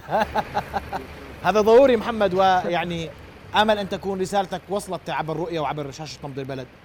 ونؤكد أنه يعني دائما على الجميع أن يحترم الخصوصية وهذا شيء مهم جدا. خصوصية الجميع خصوصية محمد الشاكر وغيره. ما بحكي عن محمد الشاكر فقط. آه، أشكرك محمد. أتمنى لكم التوفيق دائما نتمنى لكم التوفيق دائما. وهذه الشراكة مستمرة ونامل من الجميع. في النهاية أن أن أن, أن يحترم الرأي والراي الآخر وأن يحترم علم التنبؤات وأن لا يلتفت لما يقال هنا وهناك. والحمد لله ثلج أكثر من عادية وثلج يعني غطت المملكة وتزداد وتشتد خلال الساعات المقبلة. كل الشكر لك محمد الشاكر ولكل فريق طقس العرب والحمد لله على اسامه الحمد لله على سلامة أسامة الطريفي كمان. الحمد لله على سلامته سيدي والحمد لله على سلامتكم جميعا. شكرا لك. هذه الرؤية اللي كان معنا من الصباح. شكرا جزيلا. شكرا لك محمد الشاكر. كنت مباشرة لنا من الميدان حيث ساقط الثلج. أنتقل لإسماعيل السلاوي أيضا من الميدان. إسماعيل مساء الخير. الصورة لديك إسماعيل. أه، محمد نحن في نفس المكان منذ الساعة السابعة تقريبا سبعة ونصف لم نتحرك. أنت لم تتحرك إسماعيل الصورة انقطعت أه، إسماعيل السلاوي. سأنتقل لصور مباشره من الميدان لتساقط الثلوج. نذكر أن محمد الشاكر أوضح قبل قليل أن هذه التساقطات مستمرة تزداد بعد منتصف الليل وتستمر حتى ما بعد ظهر يوم الخميس. لا انجماد آه، ليلة الخميس الجمعة الجمعة السبت إلا على قمم آه، جبلية. ستكون هذه المعلومات متوافرة. عبر آه، نشرات الأخبار والمواجز الإخبارية وعبر النشرات الجوية. وسنطلعكم اولا بأول عبر شاشة رؤيا بمصداقية بأكبر قدر ممكن من الدقة وبحرفية حول الحالة الجوية المتوقعة خلال الأيام المقبلة. هذه صور مباشرة بالقرب من دوار آه، آه، آه، الواحة إذا لم أكن مخطئا. اذا هذه صور مباشرة تساقطات ثلجية غزيرة تشهدها المملكة الآن العاصمة عمان تحديدا. زملاء الكرام إذا كانوا صور من مختلف مناطق الميدان أرجو منكم يعني أن نستعرضها. وزملاء الكرام يردنا إذا إذا إذا كان محمد الشاكر لا يزال متوفر. طيب محمد الشاكر غير متوفر. زملاء أرجو التواصل. محمد الشاكر السؤال عن الزرقاء. متى تشهد تساقط ثلوج لأن الناس لا تزال تسأل هذا السؤال. الزرقاء واربد كما ذكرنا يوم أمس فجر الخميس هي الفرصة الأكبر لتساقط الثلوج. طيب سننتقل لمراسلنا محمد أبو علوان في الزرقاء عندما تصل الصورة للاطلاع على الوضع هناك وحديث عن بدء تساقط الثلوج وإن كانت خفيفة على آه، آه، الزرقاء. هذا إن صح ما يرد على مواقع التواصل الاجتماعي. أيضا آه، يعني أذكر بضرورة الالتزام بالمنازل للسادة المواطنين مشاهدي رؤيا المقدرين والمحترمين نرجو من الجميع الالتزام بالمنازل وعدم الخروج عند الضرورة. الآليات تفتح الطرق في عجلون آليات الأشغال العامة والبلديات في مختلف المناطق. سنكون مباشرة من الأمن العام بعد قليل للاطلاع على حالة الطرق. بالتأكيد هناك تغيرات مستمرة على حالة الطرق. تتغير هذه ال ال ال ستتغير حالة الطرق بعد منتصف الليل بشكل كبير وواسع نظرا لتوقع سقوط كثيف للثلوج خلال الساعات المقبلة. أرحب عبر الهاتف بزاهية نعسان رئيسة إدارة الاتصال في مجموعة المطار الدولي. مساء الخير أستاذة زاهية. يعطيك العافية. ستي. آه، اولا تحكي لنا عن تحضيرات المطار آه، للظروف الجوية. وقبل ما أسمع التحضيرات هل من تغيير حتى اللحظة على آه، حركة الطيران من وإلى مطار الملكه علياء الدولي؟ بالنسبة لمطار الملكه علياء الدولي حتى هاي اللحظة بيشهد حركة طيران طبيعية. ولم يتم تأجيل أو إلغاء أي رحلة بسبب الظروف الجوية. وبناء على ذلك يعني بحب نحكي لكم كمان عن تجهيزات مطار الملك علاء الدولي تفضل يا ستي. وكوادر للعمليات تبعت مجموعة المطار الدولي والجهات المعنية. قامت بالتحضيرات اللازمة للتعامل مع الظروف الجوية اللي بتشهدها المملكة حاليا. وموجودين بالمطار على مدار الساعة لتسيير العمليات. وتتمثل مسؤولية كوادر عمليات المجموعة مطار الدولي في المحافظة على استمرارية العمليات وهي الإطلاع والهبوط من خلال إزالة الثلوج عن المدارج والمراسي والممرات الخاصة بالطائرات. واليوم قامت الكوادر بتعبئة النافرات المخصصة لإذابة الجليد بمواد إزالة الجليد وهي جاهزة للاستخدام بالإضافة لتوفير الآليات اللازمة لتسيير العمليات بالجانب الجوي. فإن شاء الله يعني نحن جاهزين ومستعدين. طيب ستي يعني أنا بفهم من كلامك أن لا تغيير حتى اللحظة على حركة الطيران من والى مطار الملك علي الدولي؟ نعم صحيح. وأن المطار جاهز ومستعد للتعامل مع تطورات الحالة الجوية خلال الساعات المقبلة. إن شاء الله. إن ست زاهية اسمحي لي نتوقع خلال الساعات القادمة مزيد من تساقط الثلوج. شو بتنصحي المسافرين اليوم وخلال الأيام القادمة؟ طبعا هلأ هي لأنه بس نرجع نذكر المشاهدين والمستمعين إنه بالنسبة للحالة الجوية بالمطار الملكي علاء الدولي هي بتختلف عن عمان شوي. حاليا نحن بنشهد بالمنطقة تساقط للأمطار. وبناء على النشرة الجوية للساعات المقبلة هنالك احتمالية بنسبة 40% من هطول الثلوج بعد الساعة 11 بالليل. فبنحب نأكد على جميع المسافرين بضرورة التواصل مع خطوط الطيران اللي مسافرين على متنها للتأكد من تفاصيل رحلاتهم أو من خلال الاتصال على مركز استعلامات المطار. وبحب أشارك الرقم معكم ومن خلالكم تفضلي. هو 06 500 2777 وبندعو المسافرين وزوار المطار الملكي علاء الدولي لتوخي الحيطة والحذر أثناء القيادة على طريق المطار والعمل بموجب تحذيرات الدفاع المدني. نعم وإذا ممكن تفضلي. وإذا ممكن تفضلي. وإذا ممكن نطلب من المسافرين إنهم يتواجدوا بالمطار قبل موعد طائراتهم بثلاث ساعات على الأقل. وإن نعم. شاء الله راح نزودكم بكل المستجدات المتعلقة بالمطار أول بأول بالإضافة لصفحاتنا على المواقع التواصل الاجتماعي. وأكيد نتمنى السلامة للجميع و... وإن شاء الله الثلوج طيب. وامطار خير على المملكة. إن شاء الله دائما أشكرك كل الشكر الاستاذه شكراً زاهية النعسان. رئيسة إدارة الاتصال في مجموعة المطار الدولي لا تغيير على حركة الطيران يرجى من المواطنين المغادرين للمملكة الاتصال مع شركة الطيران أو مع مطار الملكة علياء الدولي للتحقق من موعد انطلاق آه، طائراتهم ردا على سؤال الزرقاء معنا مباشرة من بيرين محمد أبو علوان محمد مساء الخير نعم مساء الخير محمد الأجواء لديك محمد والصورة من من بيرين. تفضل. نعم محمد يعني أنا موجود الآن في قضاء بيرين هذا القضاء الذي يبعد نحو 20 كيلو متر عن محافظة الزرقاء. آه، يعني تواجدنا في مناطق الكمشة وأم المكمان ومناطق العلوك وأيضا مقام عيسى والآن في منطقة أم رمانة هنالك تساقط كثيف للثلوج محمد آه، في هذه المناطق في الحقيقة. آه، في الحقيقة يعني آه، كاسحات الثلوج الآن آه، بدأت آه، بفتح الطرق في هذه آه، المناطق بسبب يعني تراكم الثلوج والتراكم الكبير. ونشاهد محمد في الصورة يعني آه الآن يعني هذه آه، صور لمنطقة أم رمانة في قضاء بيرين آه ثلوج آه كثيفة الآن تتساقط منذ الساعة الثامنة آه مساء ولغاية هذه اللحظة. لم تتوقف. آه يعني حركة السير في المنطقة تكاد تكون معدومة آه باستثناء الحالات الطارئة. ويعني فرق آه فرق يعني بلدية بيرين والأشغال العامة الآن آه تقوم يعني بمساعدة أي شخص آه موجود في الطريق وأيضا آه فتح ال- آه الشوارع التي آه تحتاج آه إلى آه يعني محمد. فتح أو آه يعني ب- فتح الطريق. نعم, نعم. محمد طريق بيرين الزرقاء آه، مفتوح آه، سالك أم أن هناك أي اعاقات على الطريق؟ الطريق الطريق طريق الزرقاء بيرين الرئيسي محمد فاتح ويعني و يعني فقط أمطار في طريق بيرين الزرقاء. آه، الثلوج فقط في ما ما بعد منطقة أم رمانة ومنطقة الكمشة ومنطقة العلوك وأم المكمان ورجم الشوف وغيرها من المناطق. وهذه المناطق محمد جميعها آه، ارتفاعها فوق ال 800 متر عن سطح البحر. وهنالك بعض المناطق كرجم الشوف والكمشة وأم المكمان آه، يزيد ارتفاعها عن 1040 متر عن سطح البحر. نعم آه، أشكرك محمد علوان. هذا ردا على تساؤلات وردتنا حول الزرقاء. هذه الزرقاء هذه بيرين التابعة لمحافظة الزرقاء وأهالي الزرقاء ممكن بيرين قريبة عليهم بيقدروا يوصلوها بسرعة.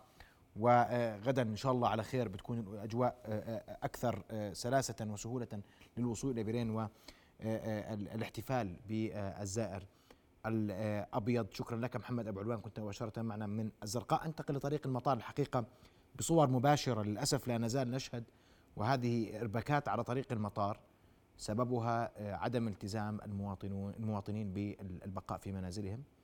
وعم بنشاهد أن المركبات تنزلق آه، نتيجة لتراكم الثلوج هذه آه، جولة في العاصمة عمان لكاميرا رؤية نتابع فيها وإياكم ال- الحالة الجوية والثلوج لا تزال تتساقط على العاصمة عمان. إسماعيل آه، سلاوي من طريق المطار تنقل لنا الصورة إسماعيل تفضل. نعم نعتذر عن الخلل محمد كنت أقول لك بأنه منذ آه، يعني سقطت حبة الثلج الأولى ونحن في هذا المكان لم لم نتحرك آه، يعني آه، آه، كنت أقول لك قبل ساعة من الآن أنه آه، بعد آه، هطول الثلج وبعد آه، يعني م- م- بعد ال- هذا هذا المشهد الذي نرى زادت حركة السيارات، الآن أقول لك بان ما زالت للأسف حركة المركبات بازدياد أعداد آه، كبيرة وهذه الزيادة آه، غير مبررة آه، محمد، يعني للأسف أيضا هناك تصرفات غير آه، مسؤولة وهناك كل آه، دقيقة وكل خمس دقائق نسجل على كاميرتنا آه، حادث وإما عطل لسيارة وإما عرقلة لعمل طريق وفي, وفي هذه الأثناء بدأ الضباب ينتشر في هذا المكان في طريق المطار في حي الصحابي وضحية ضحية الشهداء وممكن مرج الحمام آه، وهذا برضو الضباب ممكن أن يعرقل من من سير المركبات التي هي أيضا آه، يعني تسير بطريقة آه، كما نشاهد للأسف بطريقة صعبة جدا. طبعا نشكر وهذا هذا واضح جدا. كل خمس دقائق محمد لازم تمر كاسحة أو أو سيارة تتعامل مع هذا هذا الوضع من موضوع الثلوج من الكاسحات منها للأشغال. نعم. الكاسحات تابعة للأشغال كاسحات تابعة حتى لأمانة عمان مع إنه هذا هذا الطريق المطار آه، يتبع اداريا لوزارة الأشغال. حتى كاسحات لشركات آه، خاصة أيضا آه، قامت بالتبرع وقامت أيضا ب التعاون مع مع هذه الجهات. وكذلك الأمر الأمن العام مشكورين وإدارة السير وكل الجهات هي هي جهات مشكورة. اليوم وزير الأشغال قال لنا بأنه سيبقى طريق المطار آه، مفتوحا وهذا يعني آه، يعني من من أهم الشوارع طبعا كما آه، يعلم نعم. الجميع. لذلك واضح الاهتمام وأكيد في كافة شوارع عمان ونشاهد سيارات لا زال حتى اللحظة يعني في لكن أي سيارات عالقة و, و نعم محمد. للأسف. وإن شاء الله إنه يعني يعني الكل يعود نعم إلى منزله سالما. امنا إن شاء الله. أشكرك إسماعيل على هذه الصور المباشرة وعلى هذه التغطية المستمرة. الله يعطيكم العافية. مرة أخرى إسماعيل شكرا جزيلا لكم لكل مراسلي رؤيا ولكل عاملين آه، في الميدان. شكرا لكم في هذه الأجواء الصعبة. شكرا لك إسماعيل. آه، نواصل هذه التغطية وهذه الجولة في العاصمة عمان. وتحية لكل المغتربين الأردنيين اللي بيتابعوا الآن شاشة رؤيا للاطلاع على الحالة الجوية ونعلم ونقدر اشتياقهم للثلوج آه، ويعني هذه الشاشة ستنقل لكم الصورة اولا آه، بأول عبر تغطية مستمرة ومتواصلة بدأت منذ ساعات الصباح اليوم ومستمرة آه، حتى غد وبعد غد.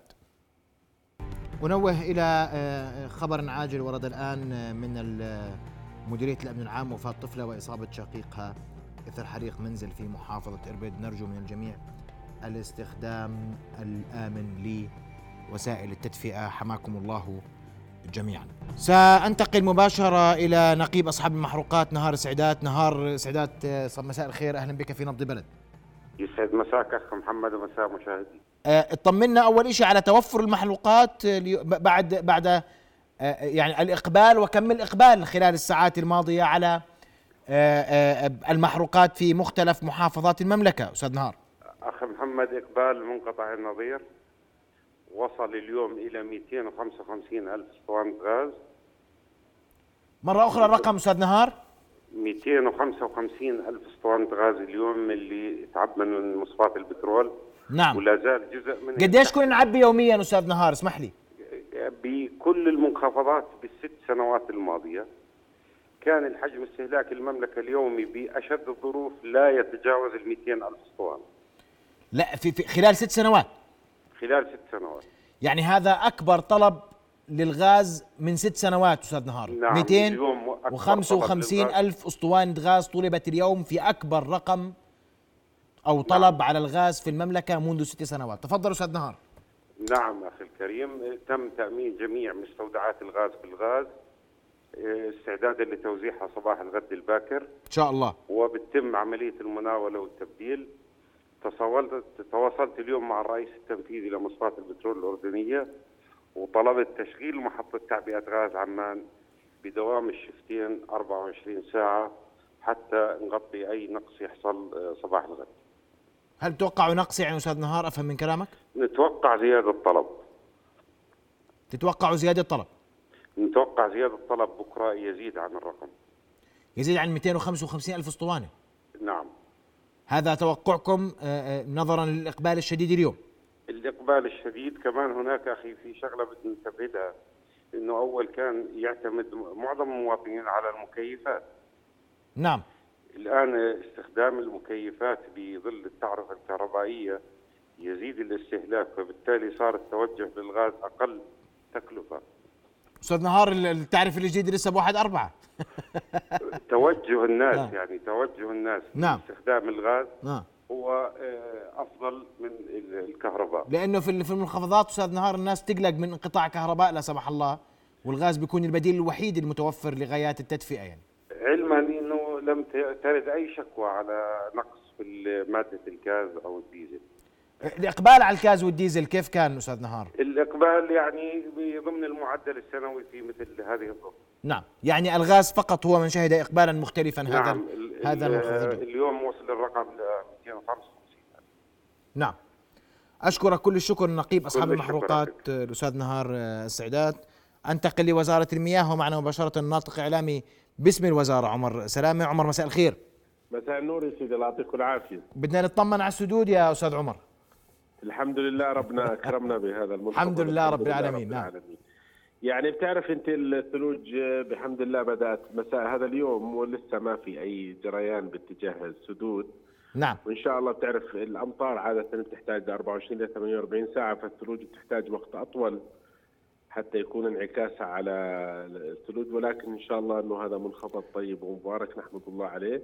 نعم. إحنا اتخذنا كافة الإجراءات غرف الطوارئ في جميع المناطق شغالة ومن مركز السيطرة بمركز الوزارة أيضا بنسق مع مركز الأمن وإدارة الازمات على مدار الساعة وفي عندنا مندوبين وغرف عمليات بجميع المحافظات. آه، في بعض محطات المياه توقفت نتيجة العكورة في بعض المناطق. وقفنا ابار آه، رصيفه في منطقة رصيفه وقفنا محطة الزاره معين مؤقتا وعادت للعمل قبل قليل. الشباب آه، تعاملوا معها بشكل سريع. آه، تم توقيف بعض محطات الضغط في مناطق الشمال احترازيا أيضا. آه، وأيضا في منطقة لواء بني كنانة. ولكن الأمور الحمد لله طبيعية. ما يعني أي ت- اوقفنا الضخ في أربع محطات إن صح التعبير أستاذ عمر صحيح؟ نعم نعم وفي عدة محطات في الشمال نعم. في بعض المحطات. آه الأمور إن شاء الله أنها جيدة. إحنا بنعرف أنه موسمنا المطري قبل هذا المنخفض كان نحو آه 40% فالأمل بالله أنه هذا المنخفض يعزز هذه الكميات ويكون في كميات إضافية آه، لرفع مستوى الموسم المطري ورفع كميات التخزين بالسدود اللي هي حاليا آه، حتى صباح اليوم كانت حوالي 28 وشوي بالمية يعني. نعم. أستاذ عمر نصائح للمواطنين للتعامل مع هذه الحالة الجوية عددات المي تحديدا. تفضل. يا سيدي أول شيء إحنا يعني بن- نتمنى على إخواننا المواطنين دائما التعاون مع مؤسسات الدولة. والحمد لله إحنا دولة قادرة وفاعلة بتتعامل مع كافة الظروف بعون الله تعالى.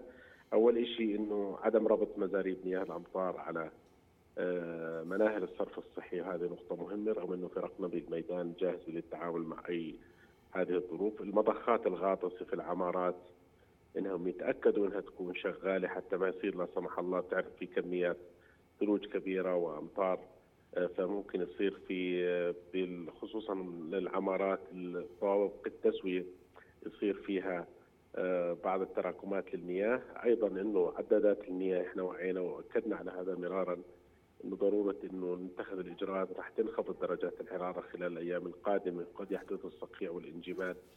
فيعني بأي قطعة قماش بأي قطعة بلاستيكية داخل صندوق نغطيها بأي وسيلة حتى ما تتأثر من الظروف الجوية ونحافظ على استمراريه التزويد. نعم أشكرك كل الشكر أستاذ عمر. سلامة. الناطق باسم وزارة المياه وجه نصائح للمواطنين للتعامل مع الحاله الجوية. وأيضا آه، ذكرت لنا آه، ونوهت لي قضية آه، كيف سيكون شكل القادم خلال الأيام المقبله نأمل أن تكون هذه أمطار الخير ثلوج الخير لمخزوننا المائي. طريق المطار كما نتابع مشاهدينا ال- الكرام أغلق الآن آه، هناك تزاحم في السيارات. يبدو أن ازدحام المركبات أدى إلى إغلاق طريق المطار من المطار إلى العاصمة عمان. هذه صور مباشرة نترككم معها. مباشرة. سننتقل آه، مباشرة إلى وزارة الإدارة المحلية. معنا من هناك المهندس حسين مهدات. مهندس حسين مساء الخير. مساء الخيرات. يا مرحبا. أهلا وسهلا. طمنا مهندس على ال- ال- الأوضاع لديكم غرفة العمليات ماذا تقول؟ كيف هو الوضع اليوم؟ آه، طبعا غرفة العمليات في وزارة الإدارة المحلية تتابع تتابع عن كثب مع غرف العمليات في البلديات ومجالس الخدمات المشتركة الحالة الجوية والحالة العامة للطرق في المملكة. نتيجة تساقط الثلوج على المملكة آه، مع بدء ساعات مساء آه، هذا اليوم. آه، طبعا كل آليات مجالس الخدمات المشتركة والبلديات منتشرة الآن في المملكة وتعمل على فتح الطرق اولا بأول. هناك تركيز على الطرق الرئيسية والطرق ال- الواصلة للمرافق العامة مثل المستشفيات المرا- المراكز الصحية والمخابز ومحطات الوقود والمقابر وغيرها.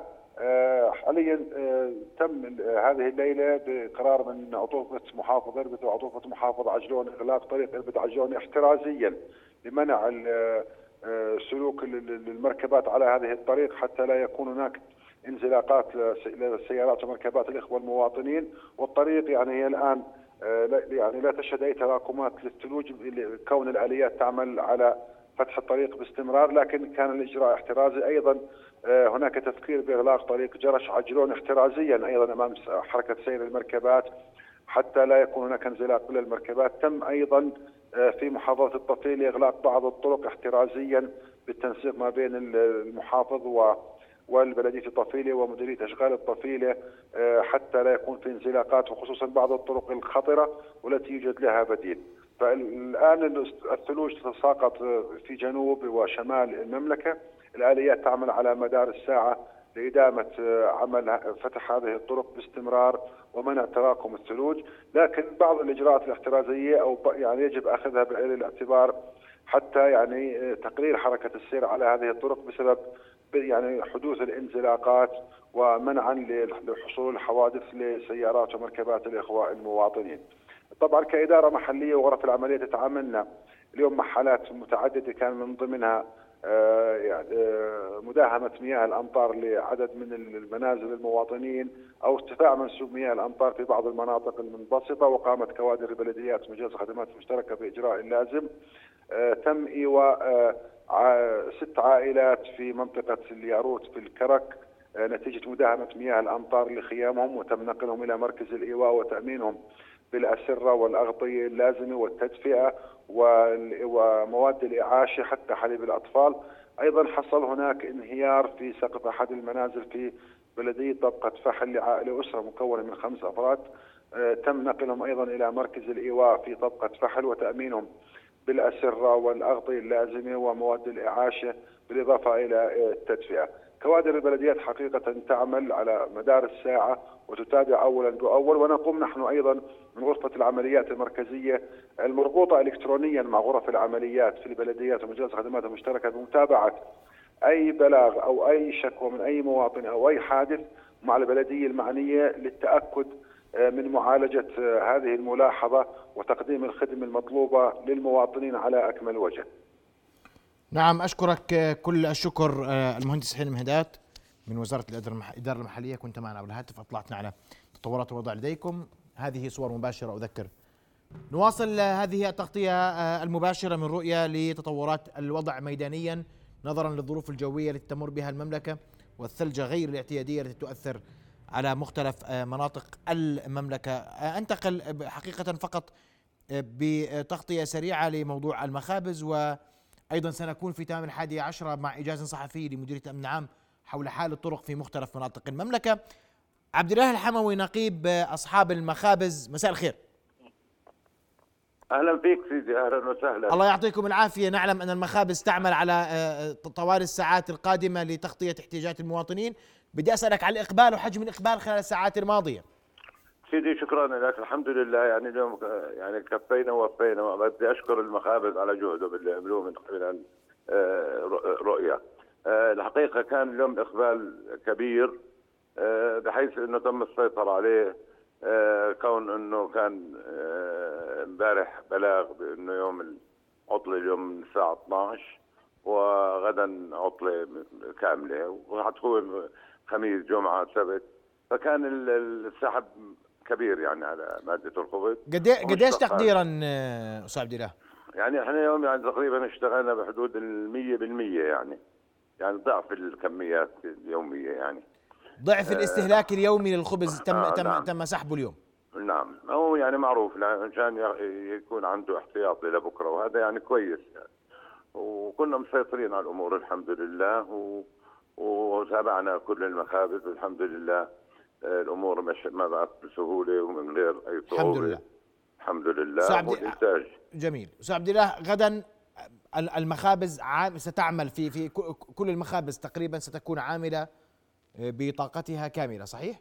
نعم. المخابز يعني هلا المخابز الآلية كلها فاتحة بالليل فاتحة المخابز أغلبيتها فاتحة بالليل. نعم. في عندك خبز يعني موجود لأنه في عندك كوادر طبية وأمنية في عندك كوادر أمانة في عندك كوادر إعلامية. يعني في هلا ما زال المخابز تعمل يعني المخبز هنا عم نعمل وماشي والخبز متوفر وكل المواد متوفرة.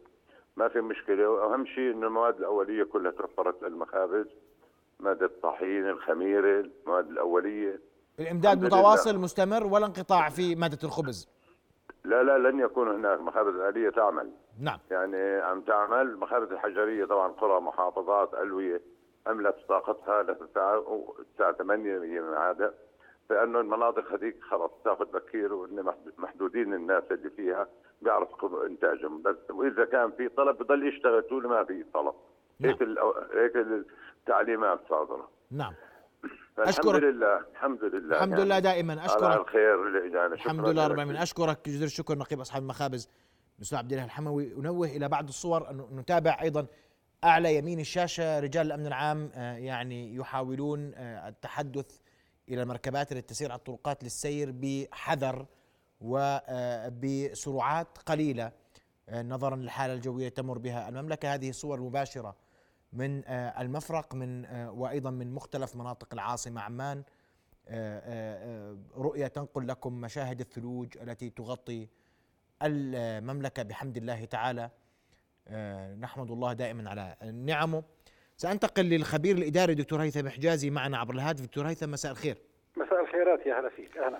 دكتور هيثم اليوم كان في جدل كبير حول موضوع تعليق الدوام الساعة الثانية عشرة ظهرا نعم. وعطلة يوم غد الخميس. وعشان أكون نعم. واضح في الجدل العقبة لا تشهد ثلوجا نعم. الزرقاء مناطق محدودة تشهد الثلوج. إربد لا تشهد إربد لا تشهد ثلوج البعض يقول لماذا يتم التعطيل لكافة مناطق المملكة بينما يمكن أن تترك يترك الأمر للمحافظين لتحديد إذا ما كانت المحافظة تستعمل أم لا بدلا من التعطيل الكامل لمرافق ومؤسسات الدولة والقطاع نعم. الخاص في كافة مناطق المملكة. أسمع نعم. وجهة نظرك دكتور هيثم نعم آه صحيح. يعني فيما يتعلق في موضوع أنه نترك للحاكم الإداري أو للمحافظ آه حرية التصرف واتخاذ القرار بالتعطيل أو عدم التعطيل وفقا للظروف الجوية لا شك انه هذا كان يجب أن يكون يعني هو القرار المتخذ من قبل الحكومة. القرار اللي اتخذ اليوم يوم أمس بتعطيل يوم الأربعاء يعني يشتغلوا أربع ساعات الدوائر الحكومية وعطله بعدها والخميس والجمعه والى آخره، أعتقد أنه لم يكن القرار الأمثل أو القرار الدقيق خلينا نحكي، والسبب أنه القرار على ما يبدو اتخذ دون الاستناد إلى معلومات كافية ودقيقة. بدليل إنه إحنا ما كان في عندنا هطول لا للامطار ولا للثلوج في عمان على سبيل المثال إلا في وقت متأخر من النهار. فالدوائر والمؤسسات الحكومية اشتغلت أربع ساعات وعطلت وهذا يعني إنه في عندنا إحنا أربع أيام عطلة اللي هي الاربعاء والخميس والجمعة والسبت وهذا طبعا يعني عم بيؤدي إلى انقطاعنا عن العالم لمدة أربع أيام. ولك أن تتخيل يعني حجم الخسارة الاقتصادية التي يمكن أن نعاني منها. الجامعات اربكت وبتعرف إحنا في نهاية فصل الامتحانات أيضا الجامعات اربكت أنا بعتقد لو كان في لو القرار درس بشكل جيد كان ممكن إنه يتخذ قرار بإنه صحيح إحنا عطلنا اربعاء وخميس لكن أيضا إحنا بنرجع من دوم يوم السبت بنعوض عن يوم الخميس على أقل تقدير. وأيضا ممكن كان يكون في عندنا نوع من التخطيط ل موضوع إنه العمل عن بعد للموظفين الحكوميين يشتغلوا من بيوتهم يشتغلوا من أماكن تواجدهم. وخاصة إنه يعني في مناطق كثيرة في المملكة لم تشهد لا أمطار ولا ثلوج لحد الآن. والسؤال بيطرح نفسه أكثر أخي محمد. تفضل. إنه طب في حال تكررت المنخفضات أكثر يعني هذه قضية لازم إحنا نشوف لها حل. في حال تكررت المنخفضات أكثر بدنا نضلنا نعطل. هذا السؤال يجب أن يطرح دائما. طب دكتور هيثم أنا خليني أسألك في الجانب الآخر الشوارع غير مهيئة للتعامل مع تساقط الثلوج. إحنا الحاله اسمح لي دكتور هيثم. بس اسمح لي أوضح الصورة يعني برضو لا صحيح صحيح. الحكومة غير موجودة ولن أبرر قرارها ولست هنا في صد تبرير لكن نعم. كانت المعلومات تقول أن من بعد ظهر يوم الأربعاء نعم. المملكة قد تشهد تساقط ثلوج كان القلق على من يعمل في عمان. صحيح. هذا هذا هذا يعني سلامة الناس هذا ما أخذته الحكومة بعين الاعتبار. نعم. وهنا سؤال التع... العمل عن بعد اللي اشتغلناه طول فترة كورونا. نعم. لم نستفد منه في الحالة الجوية.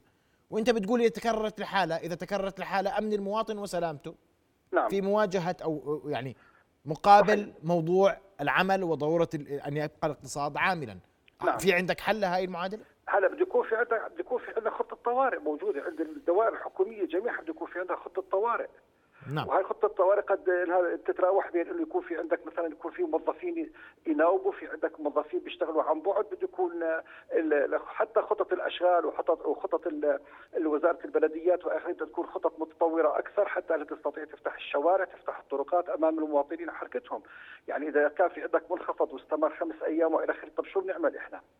وكلنا بنتذكر شو اللي صار لما صارت العاصفة أليكسا وكيف الناس ظلت محصورة حوالي أسبوع أو 10 أيام في بيوتها لأنه ما كانش في استعدادات وإلى آخره. آه، هاي بتشوف أنت دول العالم كلها في أوروبا في أمريكا كلها في عندها ثلوج ومع ذلك بتطلع الناس وبتروح على أشغالها بتروح على أعمالها فيجب أن يكون في عندنا خطط طوارئ يجب أن نعمل مثل ما تفضلت على إنه إحنا آه، إعادة تهيئة الشوارع تهيئة وسائل النقل إذا كان في عندنا هيك حالات لكن لا يجوز إنه إحنا والله فقط إنه في عندنا آه، منخفض لمدة يومين ثلاث أيام نسكر ونعطل الدنيا ونعطل يعني في ناس كثير تعطلت بتعطل مصالحها. دكتور هيثم البعض يقول إن كلفه تحضير الشوارع نعم. للتعامل مع الحالات الجوية نعم. وإحنا الثلج بتجينا ثلجة ثلجتين بالسنة يعني مش الثلجات الكثار نعم. أعلى بكثير من كلفه تعطيل يوم هذا رأيي. كل كل الآراء تحترم سيدي الكريم لكن هذه منخفضات جوية وأحوال جوية هذه لا يعلم بها إلا الله سبحانه وتعالى. صحيح. فما نستطيع انه نحكم والله انها الشتويه راح يجينا منخفض أو منخفضين أو ثلجه أو ثلجتين أو إلى آخره. ممكن بعد أسبوع تجينا كمان منخفض ممكن بعد شهر يجينا كمان أكثر من منخفض.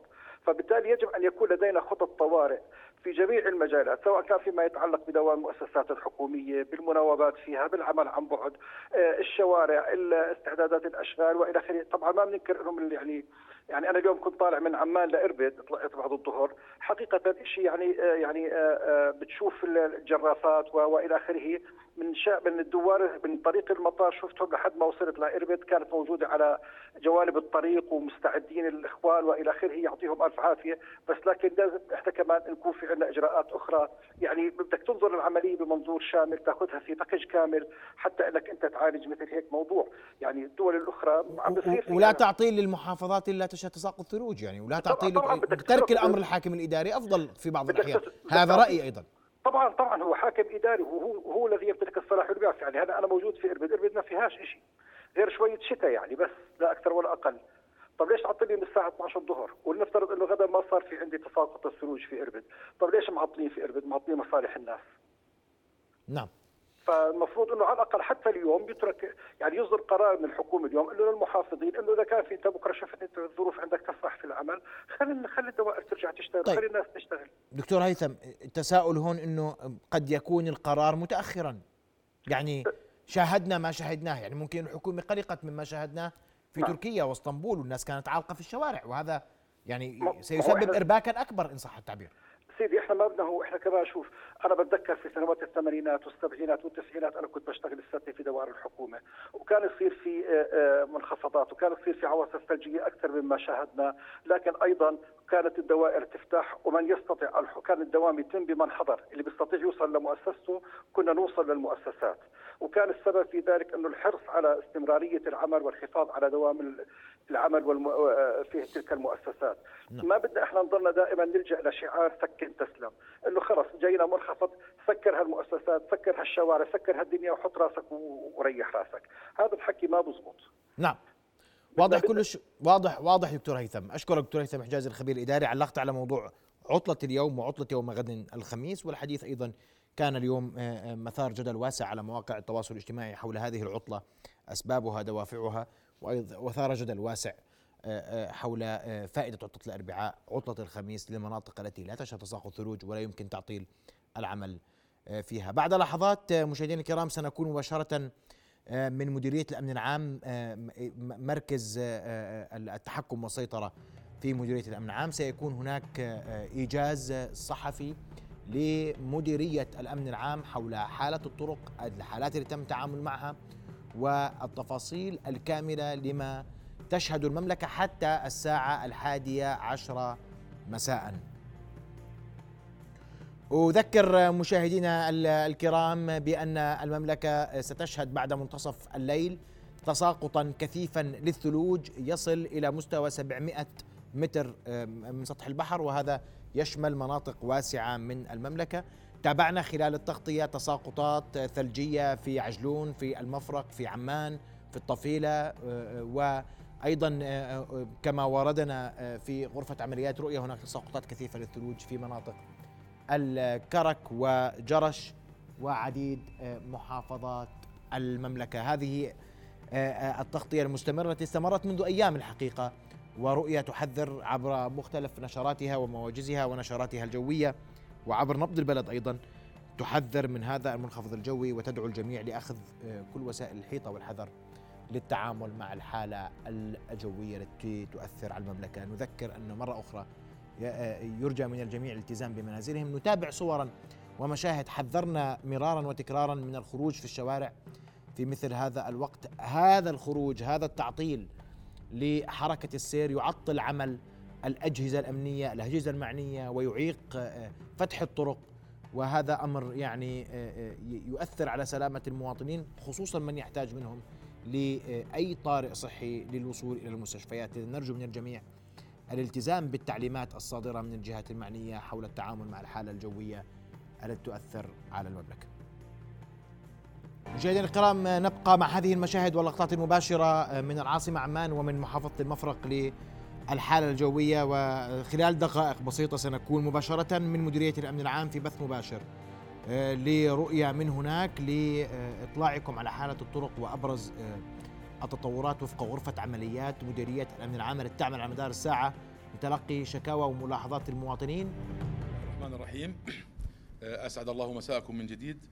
نرحب بكم في مديرية العمليات والسيطرة والممتد إليها كل غرف العمليات ومركز القيادة والسيطرة نود أن نطلعكم بآخر التحديثات. بلغ عدد المكالمات المتعلقة بالمنخفض منذ صباح هذا اليوم ولغاية اللحظة 21 ألف مكالمة. منها 8000 مكالمة كانت للاستفسار والتساؤل.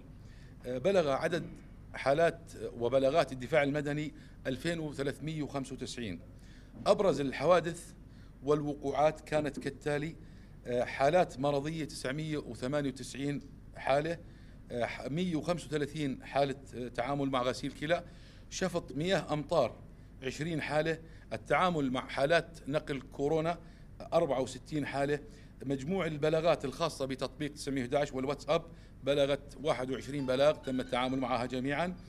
تسرب غاز ثلاث حالات حالات الاختناق 12 وللأسف كان هنالك حالة وفاة. وسيتحدث عنها بالتفصيل زميلي من الدفاع المدني.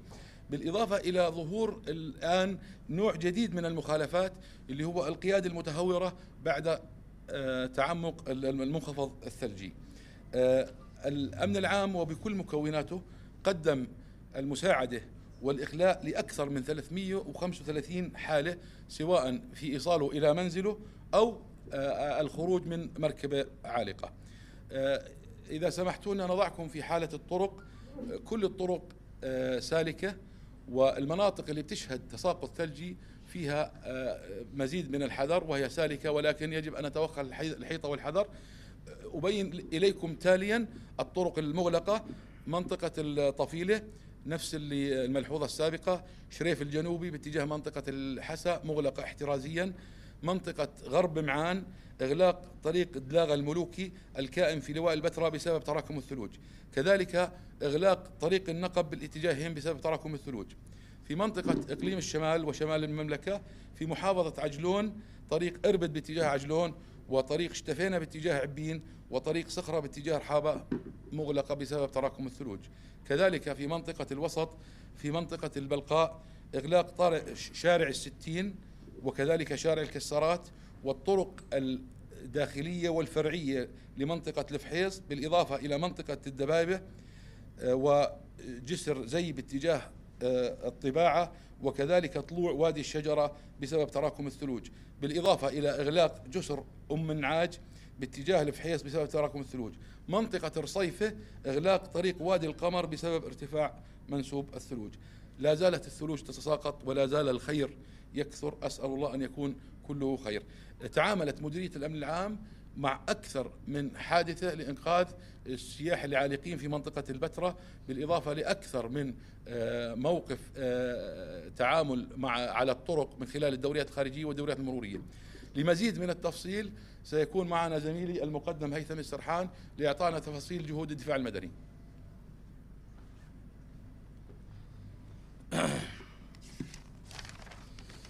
بسم الله الرحمن الرحيم. نرحب بكم في مديرية الأمن العام وأود اطلاعكم على أبرز الواجبات التي نفذتها مديرية الدفاع المدني في مختلف محافظات المملكة منذ صباح هذا اليوم حيث تعاملت مديرية الدفاع المدني مع 989 حالة حالات مرضية حالات غسيل كلى 135 حالة حالات شفط مياه الأمطار 20 حالة حالات إسعاف الكورونا 64 حالة. آه، تسرب غاز ثلاث حالات. حالات اختناق ونتج عنه آه، حالة وفاة و12 حادث اختناق. تأمين أشخاص محاصرين 335 شخص. تم التعاون معهم جميعا. كما أود أن أهيب بالأخوة المواطنين بضرورة الاستخدام الآمن لوسائل التدفئة حيث أنها من أكثر الحوادث التي نتعامل معها في مثل هذه الأجواء والتي من الممكن تلافيها بقليل من الحيطة والحذر والتعامل الآمن مع وسائل التدفئة. وشكرا لحسن استماعكم.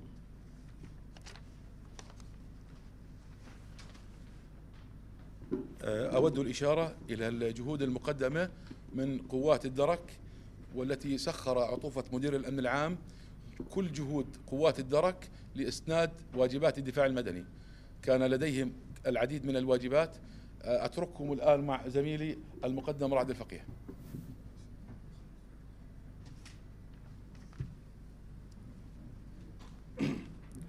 آه، نجدد الترحيب بكم آه، مرة أخرى في مديرية الأمن العام وأود بإيجاز تسليط الضوء على أبرز الواجبات التي نفذتها قوات الدرك بكافة كتائبها المنتشرة في محافظات المملكة.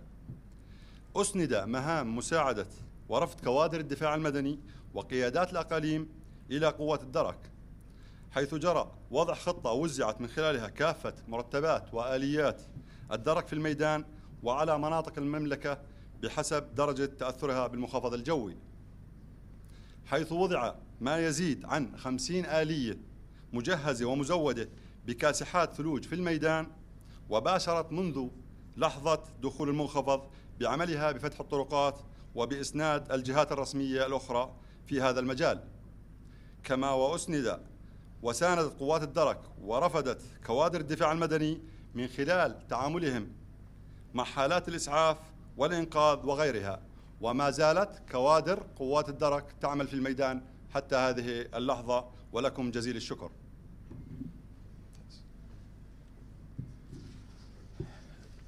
آه، كل الشكر لوسائل الإعلام اللي هي الشريك الرئيس في آه، إيصال رسائلنا.